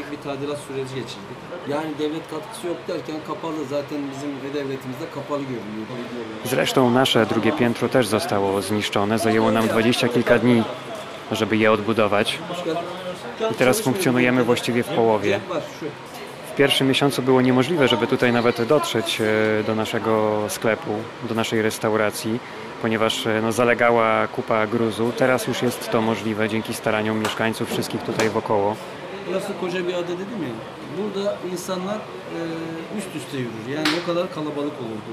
W tym momencie nie mamy praktycznie żadnych klientów, a wody czy elektryczności starczy nam na około tygodnia. Dlaczego jednak Sedat zdecydował się na kontynuowanie tego biznesu w tak niesprzyjających warunkach? Biz dükkanımızı açacağız dedik ilk günden. Fakat aile yani ai- aileyi bir yere yerleştirmek gerekiyordu. Çünkü evimiz yok, yıkılmış. Bir şekilde bir yere yerleştirdikten sonra ben tek başıma geldim. Nie było nawet takiego pytania, czy zaczynać, czy nie. Oczywiście, że byłem zdecydowany, żeby zacząć e, biznes jak najszybciej po trzęsieniu ziemi. Jedynym problemem było to, że nasz dom także został zniszczony i moja rodzina nie miała gdzie mieszkać, więc przede wszystkim zająłem się takimi podstawowymi rzeczami, jak zapewnienie bytu rodzinie, a miesiąc później e, zrobiłem wszystko, żeby jak najszybciej wystartować z restauracją. E, I mimo braku klientów wierzę, że sytuacja się poprawi. A poza tym Antakya jest dla mnie wszystkim. Nie zamierzam się stąd e, wynosić. E, Antakya jest dla mnie domem, jest dla mnie rodziną. Moja żona, o, mamy trójkę dzieci, myślała o tym, żeby stąd uciec, ale powiedziałem nie. Musimy zostać musimy odbudowywać nasze miasto.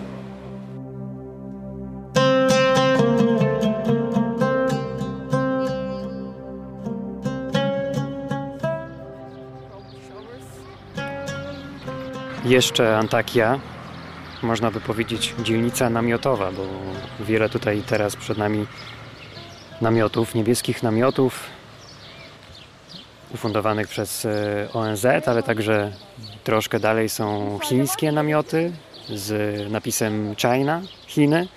Są tu także namioty z Korei Południowej. W jednym z tych namiotów e, żyje Sabahat z czwórką swoich dzieci. Wcześniej, przed trzęsieniem ziemi, także mieszkała w dzielnicy nieopodal, pół kilometra dalej. No ale niestety jej dom został zniszczony.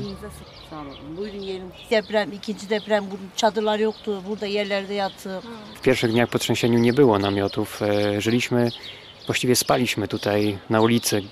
Do dzisiaj, gdy o tym pomyślę, gdy o tym zaczynam mówić, to mam ciarki na rękach. Mesela abiler geldi sağ olsun ablalar. Terlik alacaktım çocuklara terlik vermediler. Oraya kadar dağıttılar. Buralara hiç gelmediler. Od początku trzęsienia ziemi nie jestem w stanie nawet e, znaleźć sobie butów. Zobacz, nie mam butów. Wszystko porozdawali, także Syryjczykom, ale mi jakoś nikt nie przyszedł z pomocą. Kiedy tutaj rozdawano buty, to spóźniłam się. Gdy doszłam do tego punktu, powiedziano mi, że butów już nie ma, że punkt zostaje zamknięty, więc nie udało mi się w nie zaopatrzyć. Ya getiriyorlar, getiriyorlar. Çoğu da böyle arabayla bakıyor. Bakıyor buralara gidiyor, basıyor gidiyor. Wspierają nas głównie prywatne osoby czy instytucje pozarządowe. Jeśli chodzi o rząd, nie, tej pomocy tutaj nie ma. Dwa tygodnie temu postawiono tutaj toalety i baniak z wodą, no ale zobacz, to dali nam prywatni ludzie właściwie, prywatne organizacje, bo inaczej gdyby to był rząd, to wszystko oblepione byłoby flagami Turcji czy znaczkami instytucji rządowych. Teşekkür ederim.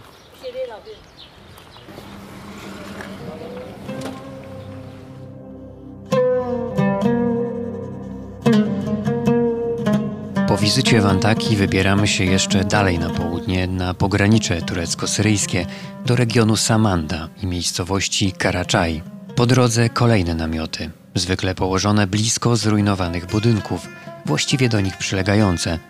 Wielu z tych, którzy stracili domy, chce mieszkać jak najbliżej ruin, jeśli nie na ruinach. Dla ludzi z Antaki dom to bowiem świętość. W Karaczaj znajduje się miasteczko namiotowe szczególne miasteczko namiotowe, bo będące inicjatywą społeczną. Mniejszych, większych zaczęło się od jednego. I tak przybywało ich każdego dnia. Miejscowi nazywają je centrum edukacyjnym, bo służy w dużym stopniu właśnie edukacji na różnym poziomie.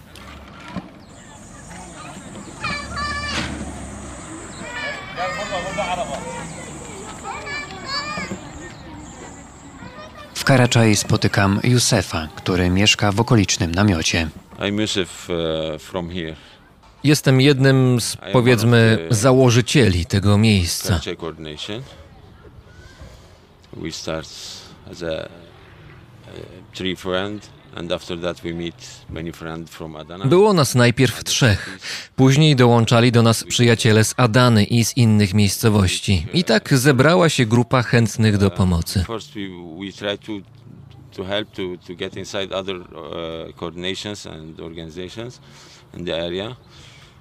Na początku chcieliśmy dołączyć do innych organizacji. Pojechaliśmy do Samandy szukać punktu zaczepienia, ale zastaliśmy tam totalny chaos. Pojechaliśmy więc też do Antaki. Pytaliśmy lokalne władze i AFAT, czyli komórkę odpowiedzialną za sytuacje wyjątkowe, czy możemy się na coś przydać. In one point we found us sitting uh, front of the destroyed. Siedzieliśmy w ruinach budynku lokalnego merostwa, wokół zniszczone miasto, a oni odpowiedzieli, że nie, bo nie jesteśmy zawodowcami, tylko grupą wsparcia i nie przydamy się na nic. Wtedy podjęliśmy decyzję, że nie ma co oglądać się na innych i że postawimy centrum pomocowe tu, w połowie drogi między Antakią a Samandą, w Karachaj. The place here in Karachai, in the middle of uh, Samanda, Antakya and. And we built all, all this and we told them, okay, send some teachers. Wszystko. Zyskaliśmy pomoc i znów zwróciliśmy się do władz lokalnych. Tym razem z pytaniem o to, czy mogą nam przysłać nauczycieli. It. Znowu odpowiedzieli, że nie. Co więcej, oni starają się nas ograniczać. No bo jak to wygląda, że państwo nie dało rady, a obywatele dali radę? 15 days Przecież tak nie powinno być. W dodatku teraz mamy czas wyborczy i oni są jakby wszyscy tym sparaliżowani. Ciągle powtarzają: zajmiemy się tym po wyborach, nie wcześniej. A przecież my nie możemy czekać. Wiele rzeczy nie może czekać. because they, they, they are waiting the, the election after election they, they push all the things okay wait after election after election okay i, I can wait but uh, can't wait okay for for many things Dziś, trzy miesiące po trzęsieniu, teren centrum wygląda jak mały kampus. Są tu 24 namioty do nauki. Jest namiot kinowy. Jest biblioteka, gdzie można znaleźć 5000 książek. Większość już nawet skatalogowanych. W jednym z namiotów, który wygląda jak sala do nauki geografii, spotykam dwójkę uczniów, właściwie za chwilę studentów, bo przygotowują się właśnie do egzaminów do szkół wyższych. Wśród nich Kadisz. Burada sözel eşit ağırlık bir de sayısal sınıflarımız var. İlkokullar içinde sınıf, sınıflar var. Przez dwa miesiące nie było nawet szansy, żeby otworzyć książkę. Trzeba było sobie jakoś ułożyć życie w namiocie. Dopiero jak to miejsce wystartowało, to zaczęliśmy znowu się uczyć. Mamy po 17-18 lat. Przed trzęsieniem kończyliśmy ostatni rok nauki w szkole średniej. Rozpoczynaliśmy przygotowania do egzaminów na studia, które są już w czerwcu. Na terenie centrum poznaje też Mehmeta, który jest tutaj nauczycielem, oczywiście na wolontariacie. Poza tym jest młodym mężczyzną, który marzy o karierze muzycznej. Now we we educate kids. At the same time, I I give music lesson. Uczę angielskiego. Dzieci w różnym wieku, przede wszystkim te ze szkoły podstawowej. Daję też lekcje muzyki. Nie mamy instrumentów, ale można przecież zagrać także na rękach, tak jak We Will Rock You, uderzając o stół rękami. On the table. You know, we will rock you. We Yeah. we, we for for this song we we think make a music for A jak kiedyś będzie prąd, to mam gitarę elektryczną. Mamy już pomysł, żeby założyć kapelę, którą nazwiemy Drużyna Namiotowa i będziemy dawać koncerty nie tylko tutaj, ale i w całym regionie.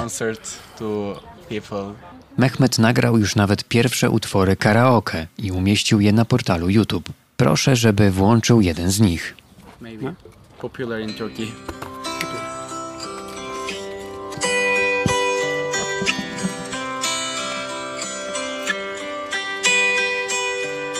Tenin üzerinden kayan bir buzdur uzak bakışlarım Hiç izlememiş olsaydım bu filmi canımı acıtırdı ama seni bilmek, seni bilmek, seni bilmek beynimde bir kurşun seni bilmek, seni bilmek, seni bilmek en büyük ceza. Her anın aklımda her kıvrımın Sanmasınlar asla seni benden ayrı. Savrulur savrulur saçlarında hayatın. Seni sorsunlar benden bir tek ben anlarım. Her anını aklımda Gościem sezonu nieugórkowego raportu o stanie świata jest profesor Ryszard Koziołek, literaturoznawca, eseista, rektor Uniwersytetu Śląskiego, profesor w Instytucie Literaturoznawstwa Uniwersytetu Śląskiego. Dzień dobry. Dzień dobry pani, dzień dobry państwu. Jest y, taki wiersz Jarosława Mikołajewskiego, mm, panie profesorze, od którego chciałabym, żebyśmy zaczęli naszą rozmowę. E, Wiersz ten zatytułowany jest Nie czytasz, nie idę z tobą do łóżka. A brzmi on tak. Od kiedy nie czytam, nie chodzą ze mną do łóżka. Skąd wiedzą, że nie czytam? Jak się to ujawnia? Straciłem składność zwięzłych wypowiedzi, architekturę metafor? Tak dotkliwie nie wypuszczam rakiet wyobraźni? Tak głośno o ziemię dzwonią okulary, kiedy spadają z pochylonej głowy? E, Wiersz pełen pytań, na końcu których oprócz znaku zapytania mam wrażenie, że kryje się również pewna wątpliwość. Tak przynajmniej ja czytam ten utwór. Taka wątpliwość, czy snobizm na czytanie na pewno jest dobry. No on jest w ogóle fundamentalny dla kultury czytania. Mm, Nie byłoby wielkiej kariery książki, gdyby nie powstał, mm, gdyby nie powstało coś w rodzaju klasowego mm, zobowiązania, żeby przejawiać dowody tego, że się czyta, że się czyta pewne konkretne książki i to paradoksalnie zarówno te książki napisane dawno, Mhm. czyli tu mamy snobizm na znajomość kanonu, na znajomość klasyki, ale równie istotny i wpływowy jest snobizm bieżący, czyli ten, który każe nam nadążać za bieżącą produkcją literacką, za nowościami, za głośnymi nowościami, aby natychmiast, kiedy tylko taka nowość się pojawi, pokazać, że się zna i że się ją czyta. I mimo naszej niebywale zdemokratyzowanej kultury czy kultur, także kultur czytelniczych, to jednak istnieje takie oczekiwanie, żebyśmy nowego Welbecka, nową Tokarczuk, e, nowego Stasiuka jednak sobie w miarę szybko przyswoili. E, Ja uważam, że ten snobizm, jeśli on oczywiście nie objawia się jakimiś restrykcyjnymi czy opresywnymi formami ekskluzji, eliminacji, lekceważenia, on jest stymulujący i pozytywny dla rozwoju kultury czytania. No tak, w tym e, wypadku, w wypadku tego tytułu wiersza Jarosława Mikołajewskiego, zaczerpniętego zresztą z rzeczywistej akcji promującej czytanie, która zwie się właśnie dokładnie w ten sposób. Nie czytasz, nie idę z tobą do łóżka. Jest też e, taka zachęta wprost erotyczna. Zacytuję wypowiedź, e, którą znalazłam w internecie na blogu Pauliny Matysiak, krytyczki literackiej, która prowadzi blog e, Zaginam Rogi. No i ona napisała tak. Zachęta do czytania książek nie musi iść w parze z seksem, ba, nawet nie powinna. No i ciekawy tutaj rzeczywiście ten wątek erotyczny na samym początku naszej rozmowy się pojawia. A ja tak do niego dążę, bo pamiętam e, pański wykład o Jerzym Pilchu, e, poprowadzony zresztą z profesorem Przemysławem Czaplińskim, w którym mówił pan, że Pilch swojego czytelnika uwodzi językiem, uwodzi erotyką tego języka i że ta erotyka gdzieś e, jest takim fundamentem prozy tego wielkiego polskiego pisarza. Więc jest jak to jest z tą erotyką? To jest fascynujące zagadnienie, bo to jest taki temat, który można przeprowadzić w sposób absolutnie sprzeczny. No bo można łatwo sobie wyobrazić, czy nasuwa się nam przed oczy taki oto wizerunek e, mola książkowego, okularnika, zawieszonego gdzieś tam w przestrzeni wyobraźni, który traci kontakt z rzeczywistością i który wydaje się nie mieć w sobie nic erotycznego i nic pociągającego, no bo w gruncie rzeczy od świata, od mężczyzn, kobiet, czy po prostu mm, tych innych ludzi, którzy mogliby stać się nam bliscy dzięki lekturze, bliscy zmysłowo, jest jak najbardziej oddalony. A więc czytanie ma w sobie aurę antyerotyczną. Mm-hmm. I taka tradycja mm, w historii kultury, w rozmaitych wizualizacjach tego typu postaci istnieje. Pamiętam taką rozmowę z moim, z moim kolegą, kiedy pojawił się film Dziewiąte Wrota, który jest ilustracją, ekranizacją powieści Artura Perez Revertego. I tam gra Johnny Depp, tak. nie wiem czy pani pamięta. Oczywiście, ja w reżyserii zresztą Polańskiego. Romana Polańskiego, tak, oczywiście.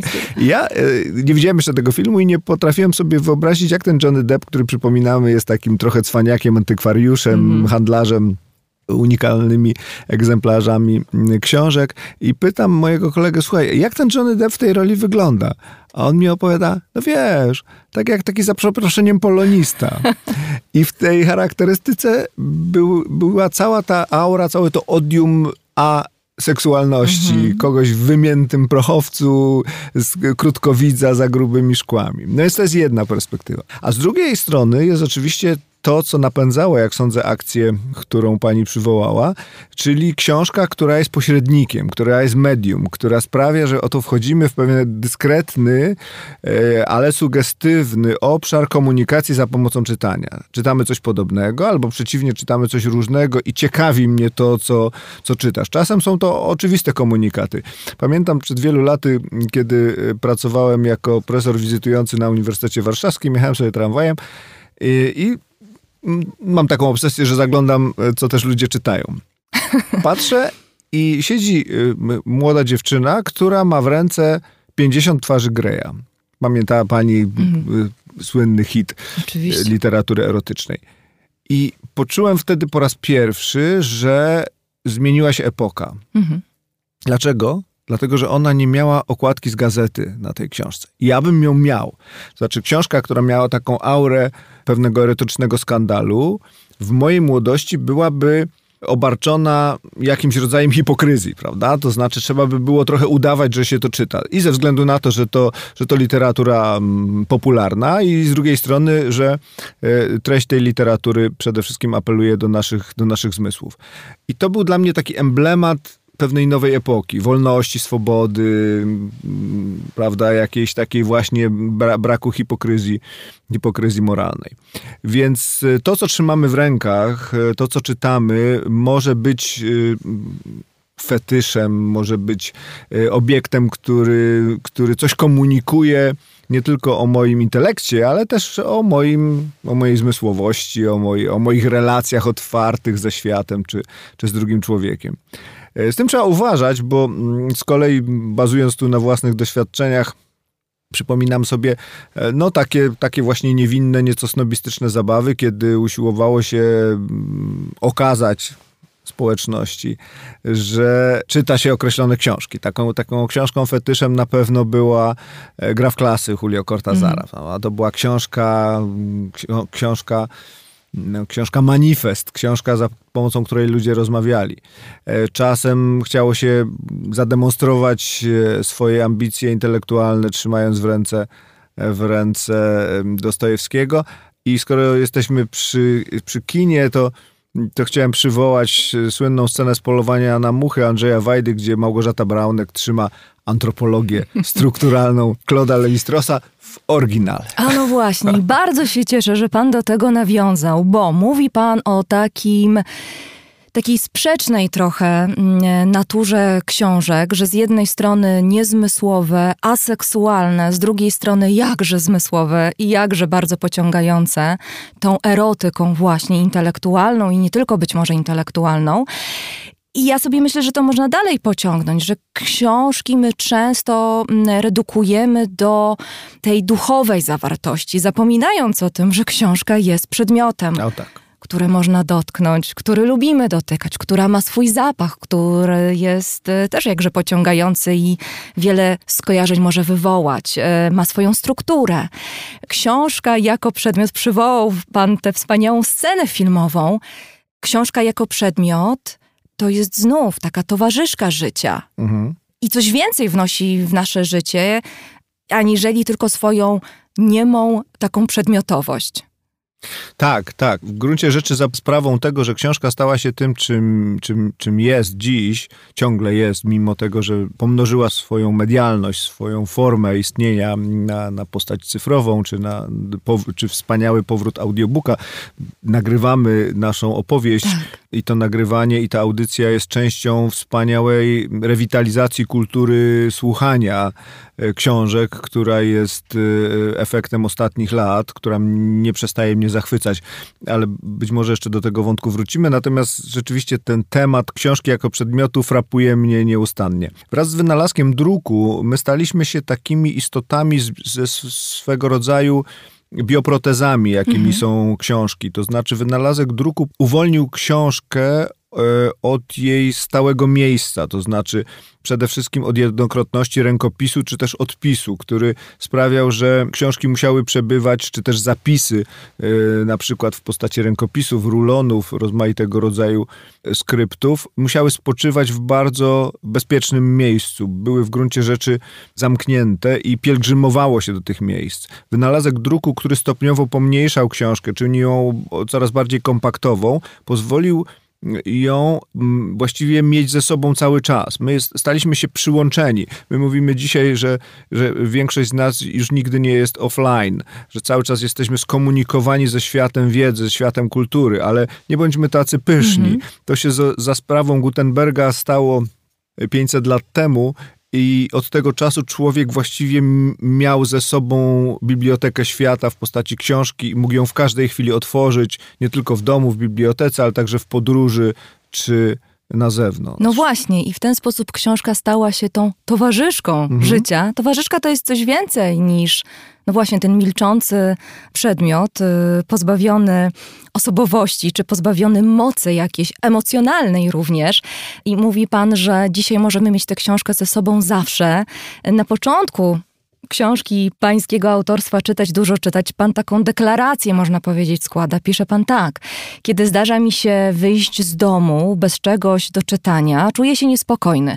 Jakbym zapomniał klucze portfela albo telefonu. Panicznie boję się utknąć w jakimś miejscu i nie mieć przy sobie żadnej książki lub choćby gazety. To dziwaczne uzależnienie przyszło do mnie w latach 80. Razem z moim przyjacielem Irkiem rozważaliśmy, co by było, gdyby milicja zgarnęła nas nielegalnymi wydawnictwami w torbach. Zgodnie uznaliśmy, że wszystko jest do wytrzymania, byleby były tam książki albo byle pozwolili nam zachować nasze. Wtedy to poprzysięgliśmy sobie nigdy nie wychodzić z domu bez czegoś do czytania. Kupowane torby i ubrania mierzone są odtąd pod kątem pojemności kieszeni. I seria Nike niepodzielnie króluje wśród książek wybieranych na wyjście. To prawda, ten atawizm, który rzeczywiście stał się uświadomiony w tym czasie, dzisiaj już jest łatwiejszy do, e, nie tyle do zwalczenia, co do utrzymania, dlatego że zawsze mamy coś do czytania. Łatwość dostępu do Biblioteki Świata, jaką technologie informacyjne nam dały, pozbawia mnie już tego lęku, bo nawet jeśli nie zabrałem książki, no to mam ze sobą najprawdopodobniej telefon i mogę czytać i słuchać właściwie bez kresu.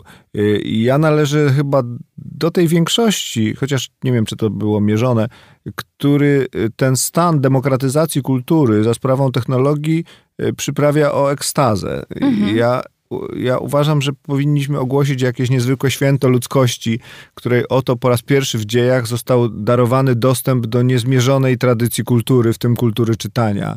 Nigdy jeszcze w historii świata tak wielu ludzi nie czytało. Y, a przede wszystkim nigdy w historii świata tak wielu ludzi czytać nie mogło. Mhm. E, I ta możliwość jest fantastycznym no, zdobyczą cywilizacyjną. No i tutaj e, pojawia się pytanie, czy ludzkość e, z tej możliwości korzysta. Ukazał się niedawno raport Biblioteki Narodowej o stanie czytelnictwa w Polsce. No i wychodzi z tego raportu, że 34% respondentów zadeklarowało, że co najmniej jedną książkę w ciągu ostatnich 12 miesięcy przeczytało. I to brzmi znacznie lepiej niż powiedzenie, że 66% Polaków nie przeczytało żadnej w ciągu roku. Tak, śledzę i czekam z niepokojem na ten raport co roku. Co roku on w gruncie rzeczy mówi nam to samo. Ale też muszę powiedzieć, że mój sceptycyzm co do tego rośnie. Nie co do rzetelności badań. Biblioteka Narodowa jest instytucją o, o y, znakomitym autorytecie i rzetelności, ale obserwując świat czytających ludzi, czy też świat mówiących ludzi, bo myślę, że to jest nawet bardziej znamienne, Jestem przekonany, że nie powinniśmy szukać czytania, a już na pewno literatury wyłącznie w książkach. Ona dzisiaj rozproszyła się i pomnożyła się tak, jak pomnożyła się nasza oferta kulturalna kilkadziesiąt lat temu, przed epoką internetu i jeszcze wcześniej z raczkującą telewizją albo bez telewizji, mieliśmy właściwie do dyspozycji przede wszystkim książkę jako wehikuł wyobraźni. Wraz z XX wiekiem, nie mówiąc o, wieku XXI, oferta kontaktu z produktami wyobraźni pomnożyła się niezwykle i to, że my dzisiaj mniej czytamy, nawet ja sam mniej mhm. czytam, to nie znaczy, że mój umysł i moja wyobraźnia jest w stanie obniżonej aktywności, wręcz przeciwnie. Bodźce wyobraźni są o wiele mocniejsze i jest ich o wiele więcej. Pytanie, czy ja się nie pocieszam, mhm, prawda? Tak. Mówiąc, e, że, że dobry serial, dobry podcast, e, dobry tekst piosenki, e, rapowana logorea, to są konkurenci książki. Ja raczej widzę w nich sojuszników literatury. Ja widzę raczej taki rodzaj ewolucji, to znaczy jakby, jakby ten, ten gatunek, którym jest piśmiennictwo fikcyjne i, i, i proza i wiersze, szukał sobie nowego siedliska. Mhm. Trochę jakbyśmy patrzyli na ewolucję gatunków zwierzęcych czy roślinnych, prawda, które się adaptują w nowych warunkach i y, Moim zdaniem, my jako ludzie nie tylko nie przestaliśmy potrzebować tej formy języka, którą nazywamy literaturą, ale potrzebujemy jej jeszcze bardziej. I ona, ona do nas dociera rozmaitymi drogami, rozmaitymi kanałami, rozmaitymi mediami.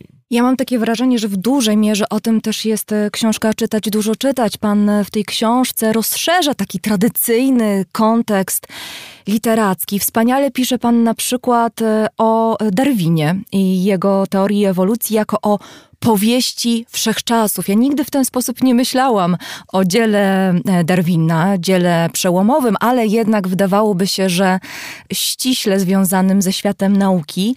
Tymczasem e, pan, powołując się również na analizy innych uczonych, innych pisarzy, zwraca uwagę na to, że to jest dzieło Darwina napisane w reporterskim stylu, w takim stylu, który był bardzo dobrze przyswajalny dla ówczesnego czytelnika angielskiej gazety, czytany gdzieś tam w pociągu. O tak. A Darwin miał fantastycznie przygotowane społeczeństwo czytające i coś, co nam się wydaje dzisiaj niemożliwe, że nakład rozszedł się w ciągu jednego dnia, to był nakład bodaj dwóch tysięcy egzemplarzy. To jest zrozumiałe, kiedy uświadomimy sobie tę publiczność czytającą, która na Darwina czekała, która o Darwinie się dowiadywała, która od wielu dekad już śledziła uważnie z jednej strony opowieści podróżników i odkrywców, które były relacjonowane w ówczesnej prasie, i e, była przygotowana do, do pewnego stylu opowiadania o świecie, a z drugiej strony no, miała do dyspozycji przede wszystkim tradycję, fantastyczną tradycję powieści powieści realistycznej na czele z Dickensem, tym, tak. tym, tym mhm. królem powieści realistycznej. I styl Darwina przypomina, tak zresztą znawcy tego, tego piśmiennictwa, nie tylko teorii naukowej, ale właśnie y, piśmiennictwa Darwina zwracają uwagę, że znajdujemy tam mieszaninę reportera wojenno-przygodowego i, i właśnie realistycznej prozy Dickensa. Ale wystarczy wziąć dziś y, polski przekład o powstawaniu gatunków, żeby natychmiast się w tym zorientować, że to jest coś zupełnie innego niż współczesny podręcznik, podręcznik do biologii. Więc y, nie ukrywam, że te, ta, ta, perspektywa rozszerzenia rozumienia literatury z fikcji i poezji na piśmiennictwo, które jednakże ma świadomość tego, że żeby czytelnik e, chciał nam towarzyszyć w myśleniu, w przeżywaniu, to trzeba tę opowieść zorganizować, trzeba ją ułożyć, trzeba ją skomponować, trzeba ją przemyśleć od strony formalnej. I dla mnie to już jest pierwszym sygnałem, że mamy do czynienia z literaturą, kiedy zarówno piszący, jak i czytający wiedzą, że to jest napisane i widzą, że to jest napisane i widzą, jak to jest napisane i potrafią powiedzieć czy odróżnić to, co jest napisane lepiej, e, świadomie, z myślą o tym, w jaki sposób zaangażować moją uwagę i moje emocje, niż napisane przez kogoś, komu się wydaje, że język jest po prostu neutralnym i, niemalże bezcielesnym środkiem do przekazu myśli. Ja tylko dodam tutaj ciekawostkę, którą można znaleźć w pańskiej książce, że o powstaniu gatunków Darwina rozeszło się z szybkością poczytnego romansu. Pierwszy nakład w wysokości 1250 egzemplarzy sprzedał się w jeden dzień a wkrótce następne trzy tysiące. Nie wiedziałam o tym. Darwin to jest taki jeden przykład myślenia o literaturze szerszym. Rozpychanie właśnie tego, tego wąskiego kontekstu literackiego, w którym przywykliśmy myśleć o książkach, czy w ogóle o literaturze. Powołuje się pan e, również na Harry'ego Pottera. To kolejna taka olśniewająca myśl, bardzo ciekawa, kiedy pisze pan, że E, Harry Potter i Severus Snape, czyli dwaj najważniejsi bohaterowie tej powieści, a potem oczywiście serii filmów wspaniałych również, że tak naprawdę ojcem ideowym tych postaci jest Goethe. Tutaj też można szukać wielkiej literatury. Wydawałoby się w powieści dla dzieci, potem w filmie dedykowanym teoretycznie dla dzieci, zresztą przez niejednego krytyka przeklętych e, propozycji literacko-filmowych. No każdy, kto troszczy się o mm, miejsce literatury w świecie i zadaje sobie pytanie, czy ludzie będą czytać, czy kiedyś przestaną, bez względu na to, co myśli o cyklu J.K. Rowling, powinien być jej wdzięczny, dlatego że jest ona odpowiedzialna za wielkie odrodzenie czytania. Przyszedł ten cykl w czasie, kiedy wydawało się, że wyobraźnią naszych dzieci i młodych ludzi będzie niepodzielnie rządzić obraz. Obraz filmowy lub też hipertekst internetowy. Pani na pewno należy do tego pokolenia, e, które dorastało z, z Harrym Potterem wszystko jedno, kiedy przyszedł, kiedy pojawił się ten pierwszy tom. I ja też e, czytając e, najpierw swoim synom, a potem towarzysząc im w lekturze, na początku no, trochę lekceważąco prychnąłem jako, jako przykład nowej baśni, nowej, nowej fantazy dla dzieci, ale potem z każdym z kolejnym tomem zaczynałem doceniać e, zamysł całości. I widziałem, że Rowling przemyślała ten cykl i bohater dojrzewa, świat gęstnieje, sprawy robią się coraz poważniejsze, a niezliczone odnogi prowadzące do, do, do tradycji literackiej pokazują, z jak, jak niezwykłą książką mamy do czynienia, z niezwykłą opowieścią, z jedną z tych mitów współczesnych, które na naszych oczach się narodził, ponieważ to coś dużo więcej niż książka, to mhm. po prostu jedna ze współczesnych mitologii, którą kultura popularna, czy po prostu kultura nam co jakiś czas dostarcza. Ale dla mnie ogromnie ważne jest to, że mamy do czynienia z książką, która stworzyła nam wielką populację czytelników. Liczy się ich co najmniej na 500 milionów e, w, na całym świecie to jest wielki rezerwuar możliwości dla nauczyciela literatury, mhm. bez względu na to, czy uczy jej na, w szkole podstawowej, czy na uniwersytecie, bo to jest zbiornik, z którego można czerpać, do którego można nawiązywać, poprzez który można szukać porozumienia z kolejnymi pokoleniami czytelników.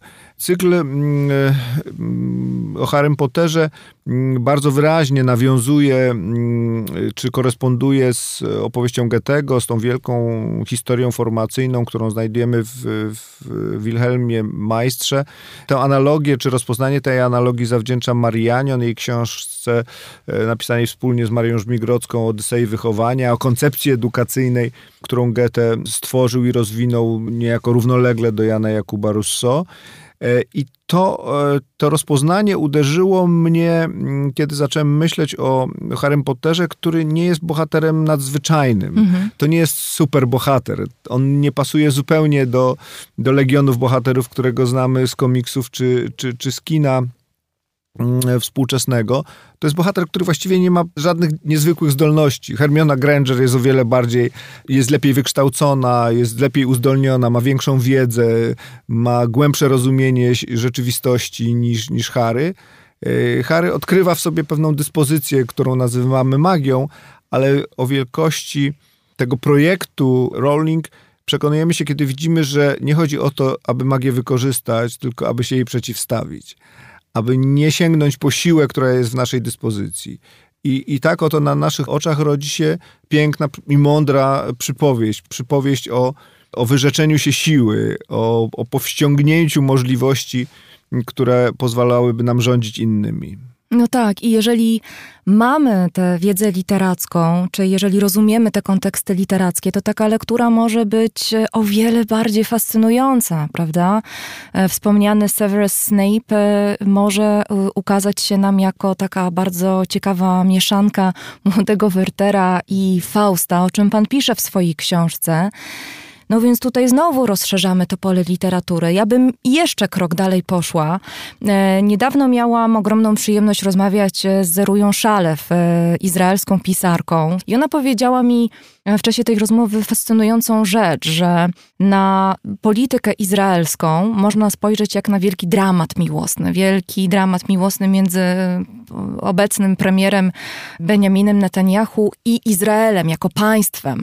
Że można na te szaleństwa, jak ona to powiedziała, Benjamina Netanyahu spojrzeć jak na taki akt zemsty zdradzonego męża, który niegdyś kochał swoją żonę, po czym poczuł się przez nią zdradzony, kiedy ta oskarżyła go o korupcję. No i teraz takie irracjonalne, bardzo emocjonalne rzeczy się wydarzają na izraelskiej scenie politycznej i że tak naprawdę mnóstwo wydarzeń e, z wielkiej polityki to są historie zaczerpnięte z opowieści biblijnych, z dramatów Szekspira. Tak często jest tam figura ojca, ojca, który odrzuca swoje dzieci, dzieci, które czują się zdradzone przez swojego ojca.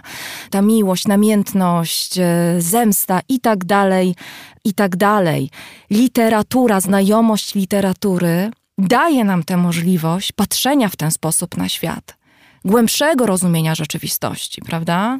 Zdecydowanie tak. I na, nawet nie wiadomo, w którą stronę to działa. Czy rzeczywistość współczesna czerpie z przeszłości, świadomie i nieświadomie replikując pewne wzory, motywy, schematy czy fabuły, czy też przeciwnie, nasza świadomość ukształtowana w dużej mierze przez lekturę klasycznych tekstów dawnych i, i, i, bardziej współczesnych, nie tworzy sobie pewnej matrycy do rozumienia rzeczywistości. Y, to jest niezwykle ważna zdolność, dlatego tak ważne jest powszechne kształcenie literackie, bo ono nas przygotowuje na wydarzenia, które jeszcze nie mają swojej formy, nie dają się uchwycić i rozumieć, zwłaszcza kiedy są nagłe. Mamy za sobą świeżo w naszym doświadczeniu dwa no, kolosalnie ważne przeżycia i wydarzenia, czyli epidemię i, i, i toczącą się wojnę w Ukrainie. Ja doskonale pamiętam samego siebie, ale też wielu moich znajomych i przyjaciół, gdzie próbowaliśmy gorączkowo zrozumieć, co się z nami dzieje. Co, co się dzieje w sytuacji, w której cały świat założył maski, prawda? gdzie zamknęliśmy się w domach co nam się przydarzyło. Ja pamiętam gorączkowe sięganie wtedy po literaturę epidemiczną, po dżumę, po Defoe, prawda? Nawet po Decameron przecież, który jak pamiętamy także zaczyna się od dżumy we Florencji i, i ludzie chronią się przed zarazą i, i, i, jakoś próbują się terapeutyzować opowiadając sobie historię, prawda? Mhm. No więc nagle ta stara literatura e, okazała się znowu przydatna, bo ona, zanim przyszło rozpoznanie socjologów, psychologów społecznych, nas samych wreszcie, gdzie próbowaliśmy konceptualizować swoje doświadczenia i właśnie e, zdawać sobie sprawę, co się nam przydarzyło, to mieliśmy pewne wyposażenie w postaci naszych lektur, gdzie mogliśmy zobaczyć losy bohaterów, wątki, scenariusze i jakby powiedzieć sobie, aha, no więc tak może być, tak może się nam przydarzyć. Drugi moment, który też ciągle mam świeżo w pamięci, to jest dzień wybuchu wojny w Ukrainie. I potem kolejne tygodnie, kiedy borykaliśmy się z pytaniem, czy to jest reżim mm, upostaciowany w pewnej klice, w, osobie Putina i jego ludzi, czy to jest pewna skaza tej nacji, y, którą nazywamy Rosją. I, I, stopniowo rozstawaliśmy się z tym złudzeniem, że to jest zły car i, i, i dobry lud. Y, I trzeba było przyjąć tę, tę bolesną prawdę, że jednak znaczna część społeczeństwa rosyjskiego wojnę popiera. I znowu, żeby sobie zdać sprawę, z czym mamy do czynienia, ja się rzuciłem wtedy na starą, dawno czytaną literaturę, mhm. na Dostojewskiego, na Gogola, na Tołstoja, kartkując zaznaczone fragmenty, niektóre czytając na nowo i nagle zobaczyłem właśnie dzięki wojnie pewną prawidłowość, że mimo absolutnych różnic między tymi pisarzami, wszyscy oni kończą w tym samym miejscu, to znaczy w apologii Rosji mimo że mamy przed sobą pisarza tak, tak potwornie zjadliwego i krytycznego jak Gogol, gdzie właściwie ja nie znam bardziej bolesnej, druzgocącej analizy społeczeństwa, jego upadku, jego zakłamania, niż Gogol przynosi w Martwych Duszach, a potem czytamy korespondencję Gogola i widzimy, że on pada na kolana przed Wielką Rosją i strofuje Tołstoja, że, że nie dość tę Rosję czci. I to wydaje się być niepojmowalne, ale w jakiś sposób ilustruje ten, mhm. ten paradoks, z którym nie umiemy sobie poradzić, że można mieć tak wspaniałą kulturę, że można być tak przenikliwym, jak, jak dokumentuje to wielka tradycja rosyjskiego realizmu, a jednocześnie w jakimś punkcie wyrzec się tego impetu krytycznego, tej podejrzliwości i przyjąć postawę bałwochwalczą i wyznawczą wobec, wobec mitu Rosji, narodu, jej wielkości, y, jej, jej potęgi. Przychodzi mi na myśl takie zdanie, które umieścił Pan w swojej książce. Myślę, że bardzo ważne, że czytanie pozwala nam doświadczać rzeczywistości w najpełniejszy sposób. Ten głód czytania, pisze Pan, to jest tak naprawdę głód nie tyle literatury, co rzeczywistości. Tak, to jest wątek, który y, towarzyszy mi od wielu lat. No pewnie należy e, do jednego z tych pytań profesjonalnych. Na ile literatura, na ile czytanie, ta aktywność, ta forma życia, ponieważ mm -hmm. czytanie dla mnie nie jest wyłącznie aktywnością po godzinach, rozrywką, jest pewną pewną formą życia, w której książki stanowią, czy literatura stanowią, y, stanowi integralną jego część. Na ile one nas odwodzą od życia, są rodzajem eskapizmu, w większości wypadków bezpiecznego, nie licząc patologii Emmy Bovary czy, e, czy Don Quixota, e, ale po latach czytania własnego i obserwowania tych, którzy czytają ze mną lub obok mnie, skłaniam się zdecydowanie ku tej drugiej perspektywie, że że szczególnie ważne jest to, co dzieje się z nami, kiedy zamykamy książkę, kiedy przestajemy czytać, wracamy do świata i, i kim jesteśmy w tym powrocie, co się zmieniło w naszej relacji ze światem. I jestem przekonany, że, że ta relacja jest lepsza, ona jest głębsza, ona jest uważniejsza. Trochę tak, jakbyśmy, jakbyśmy się nauczyli, albo, albo jakbyśmy przeszli pewien trening uważności czytanie ćwiczy w nas pewną dyspozycję, którą ja bym określił jako nieprzegapiania rzeczywistości. Przestajemy być gapiami, nie, mhm. nie gapimy się już na świat bezmyślnie, tylko on coraz więcej rzeczy nie uchodzi naszej uwadze. A drugi aspekt y, y, czytania jest taki oto, że sztuka generalnie, a czytanie zwłaszcza podprowadza mnie do światów, do ludzi, do zdarzeń, do istot, y, z którymi jestem, wobec których jestem bardzo odległy. Ba, w, w życiu realnym nawet y, są dla mnie te światy, istoty, zdarzenia odstręczające. No wyobraźmy sobie klasyczną powieść Dostojewskiego Zbrodnia i kara. Proszę sobie wyobrazić, że czytamy notkę w prasie lub na portalu internetowym, że student prawa zabił dwie kobiety. Mhm. Wystarczy sprawdzić nasze uczucia, jakie nam towarzyszą. Zgroza, potępienie, oczekiwanie, że, że sąd e, zrobi z tym porządek i izoluje taką jednostkę od społeczeństwa. Tymczasem za sprawą Dostojewskiego obcujemy ponad 600 stron, e, czyli wiele dziesiątków godzin z, z umysłem Raskolnikowa. Mamy świadomość zbrodni, którą popełnił, a jednocześnie chcemy się dowiedzieć, dlaczego to zrobił. Chcemy go zrozumieć. I to zasadniczo zmienia e, nasze postrzeganie tego, czym jest zbrodnia, czym jest odkupienie, czym jest ludzki umysł. To jest też komfort y, bycia w fikcji. Literatura piękna to jest fikcja. Pan w jednym z wywiadów nazwał fikcję szlachetnym kłamstwem, które pozwala nam praktykować wolność. Tak, to jest może ostatnie rezyduum wolności człowieka, bo mm, rzecz jasna wolność bez wypełnienia jej konkretem jest pojęciem pustym. Natomiast y, umysł, nawet jeśli psychoanaliza nam mówi, że tam, gdzie nam się wydaje, że jesteśmy wolni, jesteśmy w istocie zdeterminowani kompleksami, dzieciństwem, traumami, nieświadomością, zgoda, zgadzam się, ale jest jedna zasadnicza, zasadniczy parametr tej wolności, mianowicie nikt tam nie ma dostępu poza mną samym. E, nikt tego też nie widzi, co się ze mną dzieje, kiedy czytam, kiedy rozmyślam o swoim czytaniu, kiedy realizuję taką najprostszą lekturę, która jest lekturą identyfikacyjną, która jest lekturą dziecięcą, że po prostu bohater, którego kochamy, a czytamy przede wszystkim dla, dla postaci, dla jej przygód, dla jej zdarzeń, ale, ale wehikułem tych zdarzeń musi być musi być postać. Więc kiedy dokonujemy tej identyfikacji, czyli w istocie przeistaczania się w kogoś innego, przecież jeśli ja czytam jako chłopak Pippi Langström, jedną z ukochanych powieści mojego dzieciństwa, to ja staję się dziewczynką. No?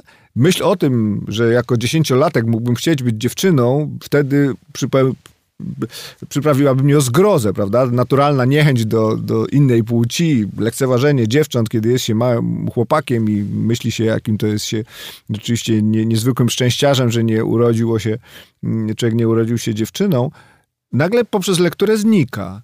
Nie dość, że, że ta dziewczyna mnie fascynuje, to widzę, że ona jest fajniejsza niż jakikolwiek chłopięcy bohater tej powieści, czy męski, bo, bo przecież Pipi triumfuje także nad, nad mężczyznami.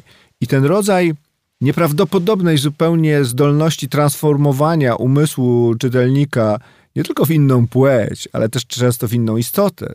Przecież całe, całe kosmosy opowieści o zwierzętach, yy, które sprawiają, że, że, że te biologiczne maszyny, jak chciał Kartezjusz, nagle są dla nas czującymi, przeżywającymi istotami. Jasne, najczęściej w tych opowieściach zwierzęta są antropomorfizowane, są po prostu ludźmi mm, w, w kształtach zwierzęcych, ale ja bym nie lekceważył humanitaryzmu tych opowieści. Okej, okay, nawet jeśli my naruszamy mm, absolutną obcość innego gatunku, to jednak to, że zaczynamy traktować zwierzęta jako istoty sobie bliskie, ma bardzo poważne konsekwencje dla tego, jak traktujemy zwierzęta w życiu y, prawdziwym. Jak tak się przysłuchuję temu, co pan mówi, to sobie myślę o y, jeszcze innej, takiej przewrotnej, pełnej paradoksu naturze książki czy książek, no bo zaczęliśmy od tej seksualności, aseksualności, a teraz sobie myślę, że książki to jest jakaś nieprawdopodobnie zaawansowana technologicznie maszyna, czy jakiś software, hardware, który potrafi nas transformować, przenosić, otwierać, poszerzać granice światów, stwarzać nowe. A z drugiej strony to jest prosta kartka zapisana prostym drukiem. Nie ma absolutnie nic skomplikowanego w tym. Tak. To, to, to, to znów jest jakiś taki kontrast uderzający, prawda? Dwoistość w ogóle książki. Absolutnie.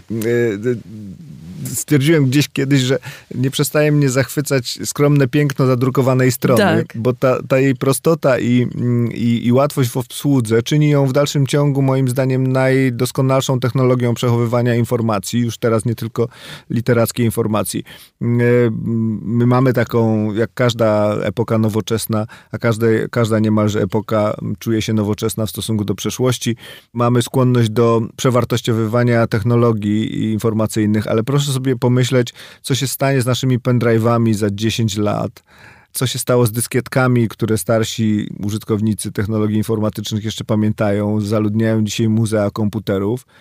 Po 100 latach najprawdopodobniej żadnego z tych urządzeń, które dzisiaj obsługujemy, nie mamy, natomiast spokojnie możemy wziąć pana Tadeusza, czy Olivera Twista, czy czy zbrodnie i kary, które zostały wydane w XIX wieku, czy na początku XX i, te, i one dalej działają. One działają dalej, o ile zadziałają w naszej wyobraźni, prawda? Bo kartka zapisana drukiem będzie tylko kartką zapisaną drukiem, jeżeli nie będzie czytelnika, jeżeli nie będzie człowieka, który będzie mógł to przeczytać i to wszystko się nie wydarzy wyobraźni naszej czytelniczej. I to mnie skłania do kolejnego pytania, bo tak się zastanawiam, w jakim stopniu my jesteśmy w ogóle z literatury zbudowani, bo Też niedawno miałam okazję rozmawiać z Jarosławem Kurskim o jego książce Dziady i Dybuki i on dokopując się tych kolejnych przodków e, w gęstej ciemności przeszłości, e, dokopując się do e, ósmego pokolenia pra, pra, pra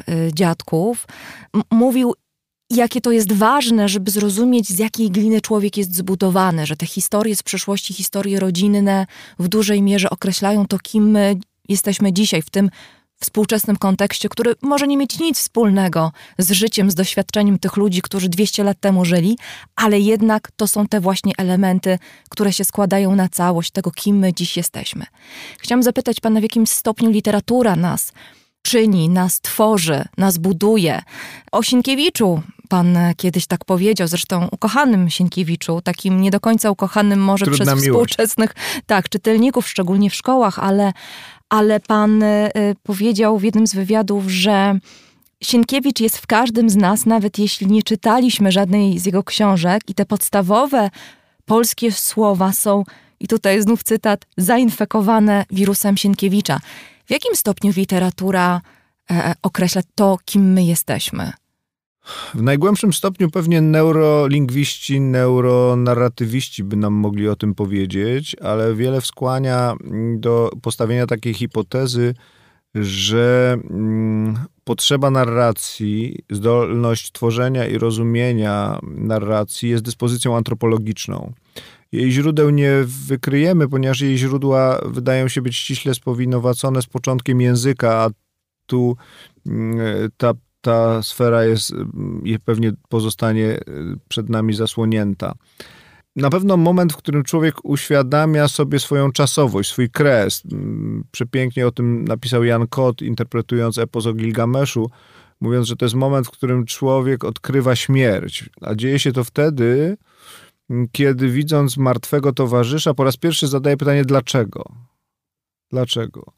I w tej wielkiej opowieści sumeryjskiej o przyjaźni, gdzie dwóch bohaterów wędrówki, miecza, komiksu zadaje dziesiątki, jeśli nie setki śmierci, patrzy na nieżywe istnienia, ale nagle przychodzi moment, kiedy po raz pierwszy Gilgamesz zadaje to pytanie i nie godzi się z tym i, i, i szuka, zaczyna szukać wyjaśnienia. A zacząć szukać wyjaśnienia śmierci, to znaczy pytać o czas, pytać o upływ czasu i zacząć ten czas różnicować. Pytać, co było przedtem, co z tego wynika i co będzie potem. I to zarządzanie czasem, to rozumienie siebie, świata, innych istnień jako istnień przemijających wymusza opowieść. I pod tym względem to poszukiwanie, o którym Jarosław Kurski mówił, jak sądzę, właśnie wynika z tego, że próbuję siebie zrozumieć jako efekt przeszłości, prawda? Co mnie łączy z przeszłością? W jaki sposób ja jestem wynikiem tego, co się wydarzyło? No a jeśli uznajemy, że rozumienie siebie wymaga rozumienia przeszłości, która mnie zrodziła, no to zaczynamy od tę przeszłość pytać. Dopóki nie zadajemy pytań historycznych, pytań o prawdę, wyobrażeniami przeszłości rządzą, rządzą mity, rządzą fikcje, na czele z Wielkim Ojcem, który jest wszechmocny, prawda? E, kiedy widzimy swojego, cudzego ojca jako wszechmocnego, dorosłego mężczyznę czy, czy matkę, prawda? To my nie wiemy, kim oni są naprawdę. A dopiero kiedy dorastamy, widzimy w nich ludzi o powikłanych historiach, Najczęściej tych historii nie znamy, bo dorośli nie opowiadają dzieciom prawdy, może i słusznie. A kiedy już umrą, bo najczęściej jesteśmy zawsze spóźnieni wobec tej przeszłości, no to pozostają nam dokumenty, świadectwa i zaczynamy wtedy tworzyć opowieść. I nieskończone świadectwa i niepoliczone świadectwa e, ludzi pytających o swoją tożsamość pokazują, że to, co nazywamy literaturą, opowieścią, narracją, jest nam po prostu niezbędne do istnienia. E, bez tego nie jesteśmy tym, czym jesteśmy, czyli istotami rozumnymi, samoświadomymi, ale także tymi, którzy potrafią projektować przyszłość, bo to jest drugi aspekt. Przy okazji dybuków mówimy o, o, o penetrowaniu przeszłości, ale ja bym powiedział, że równie ważną, a kto wie, czy nie ważniejszą rolę odgrywa czytanie i rozmowa o czytaniu dla tego, co przed nami. Y, kto wie, czy to w ogóle nie jest z, z, przyczyna sukcesu ewolucyjnego naszego gatunku, że my potrafimy snuć scenariusze przyszłości. Że zanim ona się wydarzy, to my mówimy, aha, może z tego będzie coś takiego, albo może wybrałbym inną drogę, a co by było gdybym, gdybym podjął taką, a nie inną decyzję. Ten rodzaj wariantywności naszego losu daje nam no, zupełnie niezwykłe możliwości przygotowywania się na przyszłość. To także jest efekt y, literatury. To jest to, o czym pan wcześniej powiedział. To jest to praktykowanie wolności mhm. w narracji, w narracji fikcyjnej. No i tak, świat się zmienia, o tym też dużo rozmawiamy. Może mniej czytamy, może te opowieści lubimy, jak snują się na ekranach naszych y, telewizorów. I ta oferta rzeczywiście jest y, i coraz bogatsza, i wydaje mi się, że momentami bardzo ciekawa, bardzo wartościowa. Wspomniał Pan o tym odwiecznym micie ojca, no sukcesja, oczywiście, że musiałam wspomnieć o sukcesji w czasie naszej rozmowy, bo to jest przecież serial z jednej strony przerażający, z drugiej strony tak bardzo, bardzo bogaty w wątki literackie.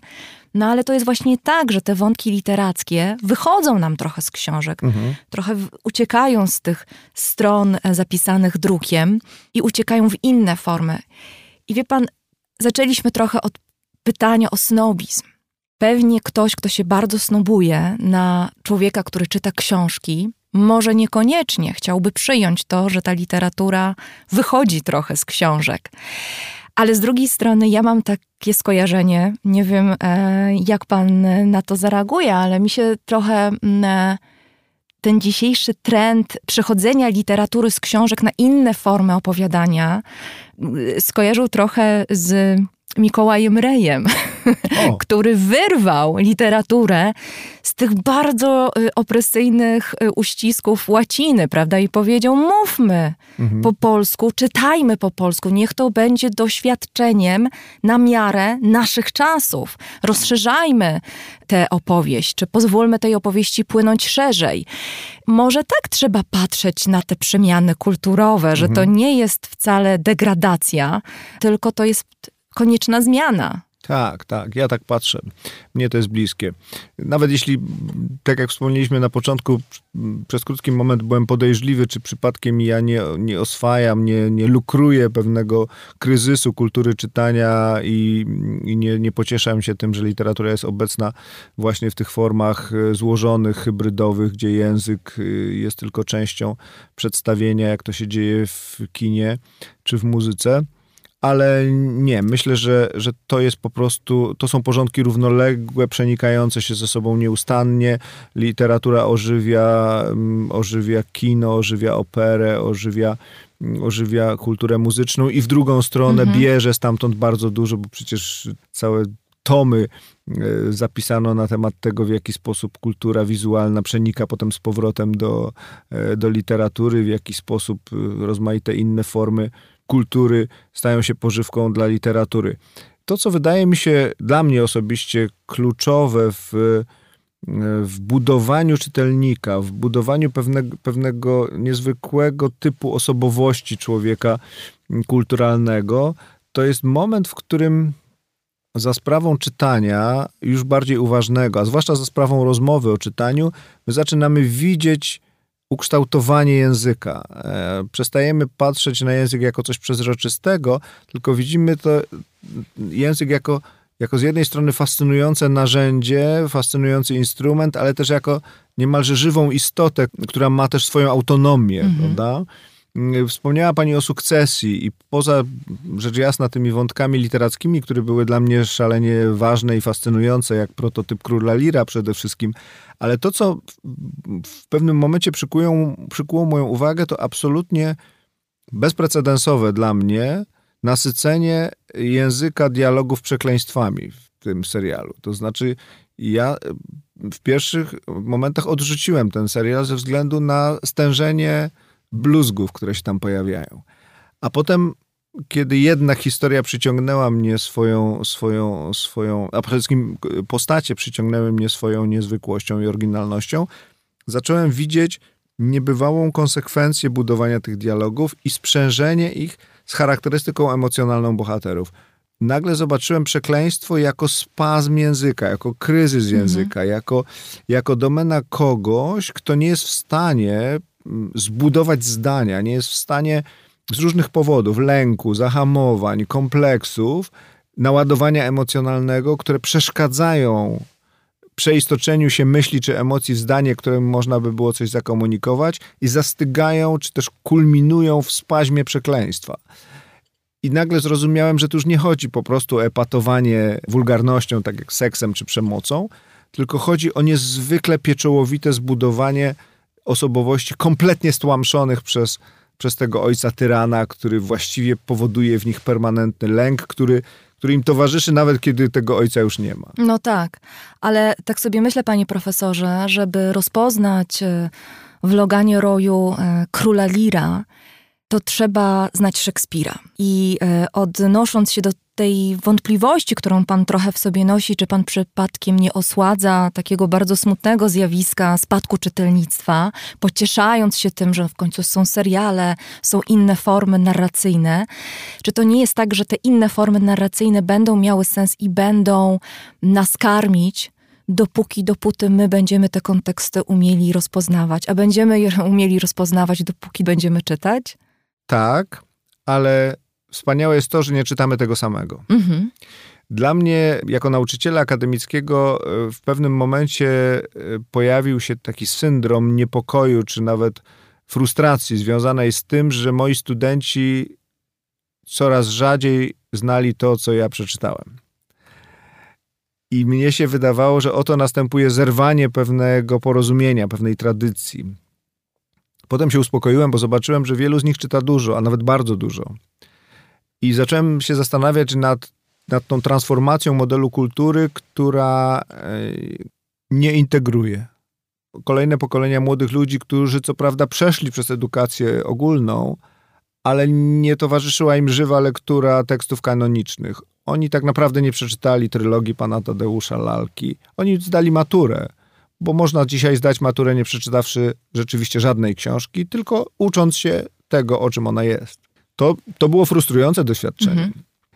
E, ja pisałem o tym w jednej z książek, że bawię się z, czasem ze studentami w taką grę w Sodomę i Gomorę, zakładając się, że nie znajdziemy dziesięciu tych samych książek, które przeczytaliśmy wszyscy i nigdy jeszcze nie przegrałem.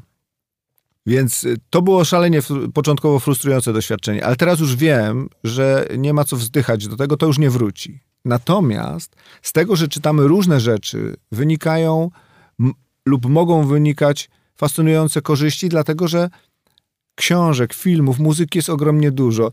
Nikt z nas nie jest w stanie towarzyszyć tej produkcji, a jednocześnie znać e, klasykę przeszłości w stopniu y, wystarczającym.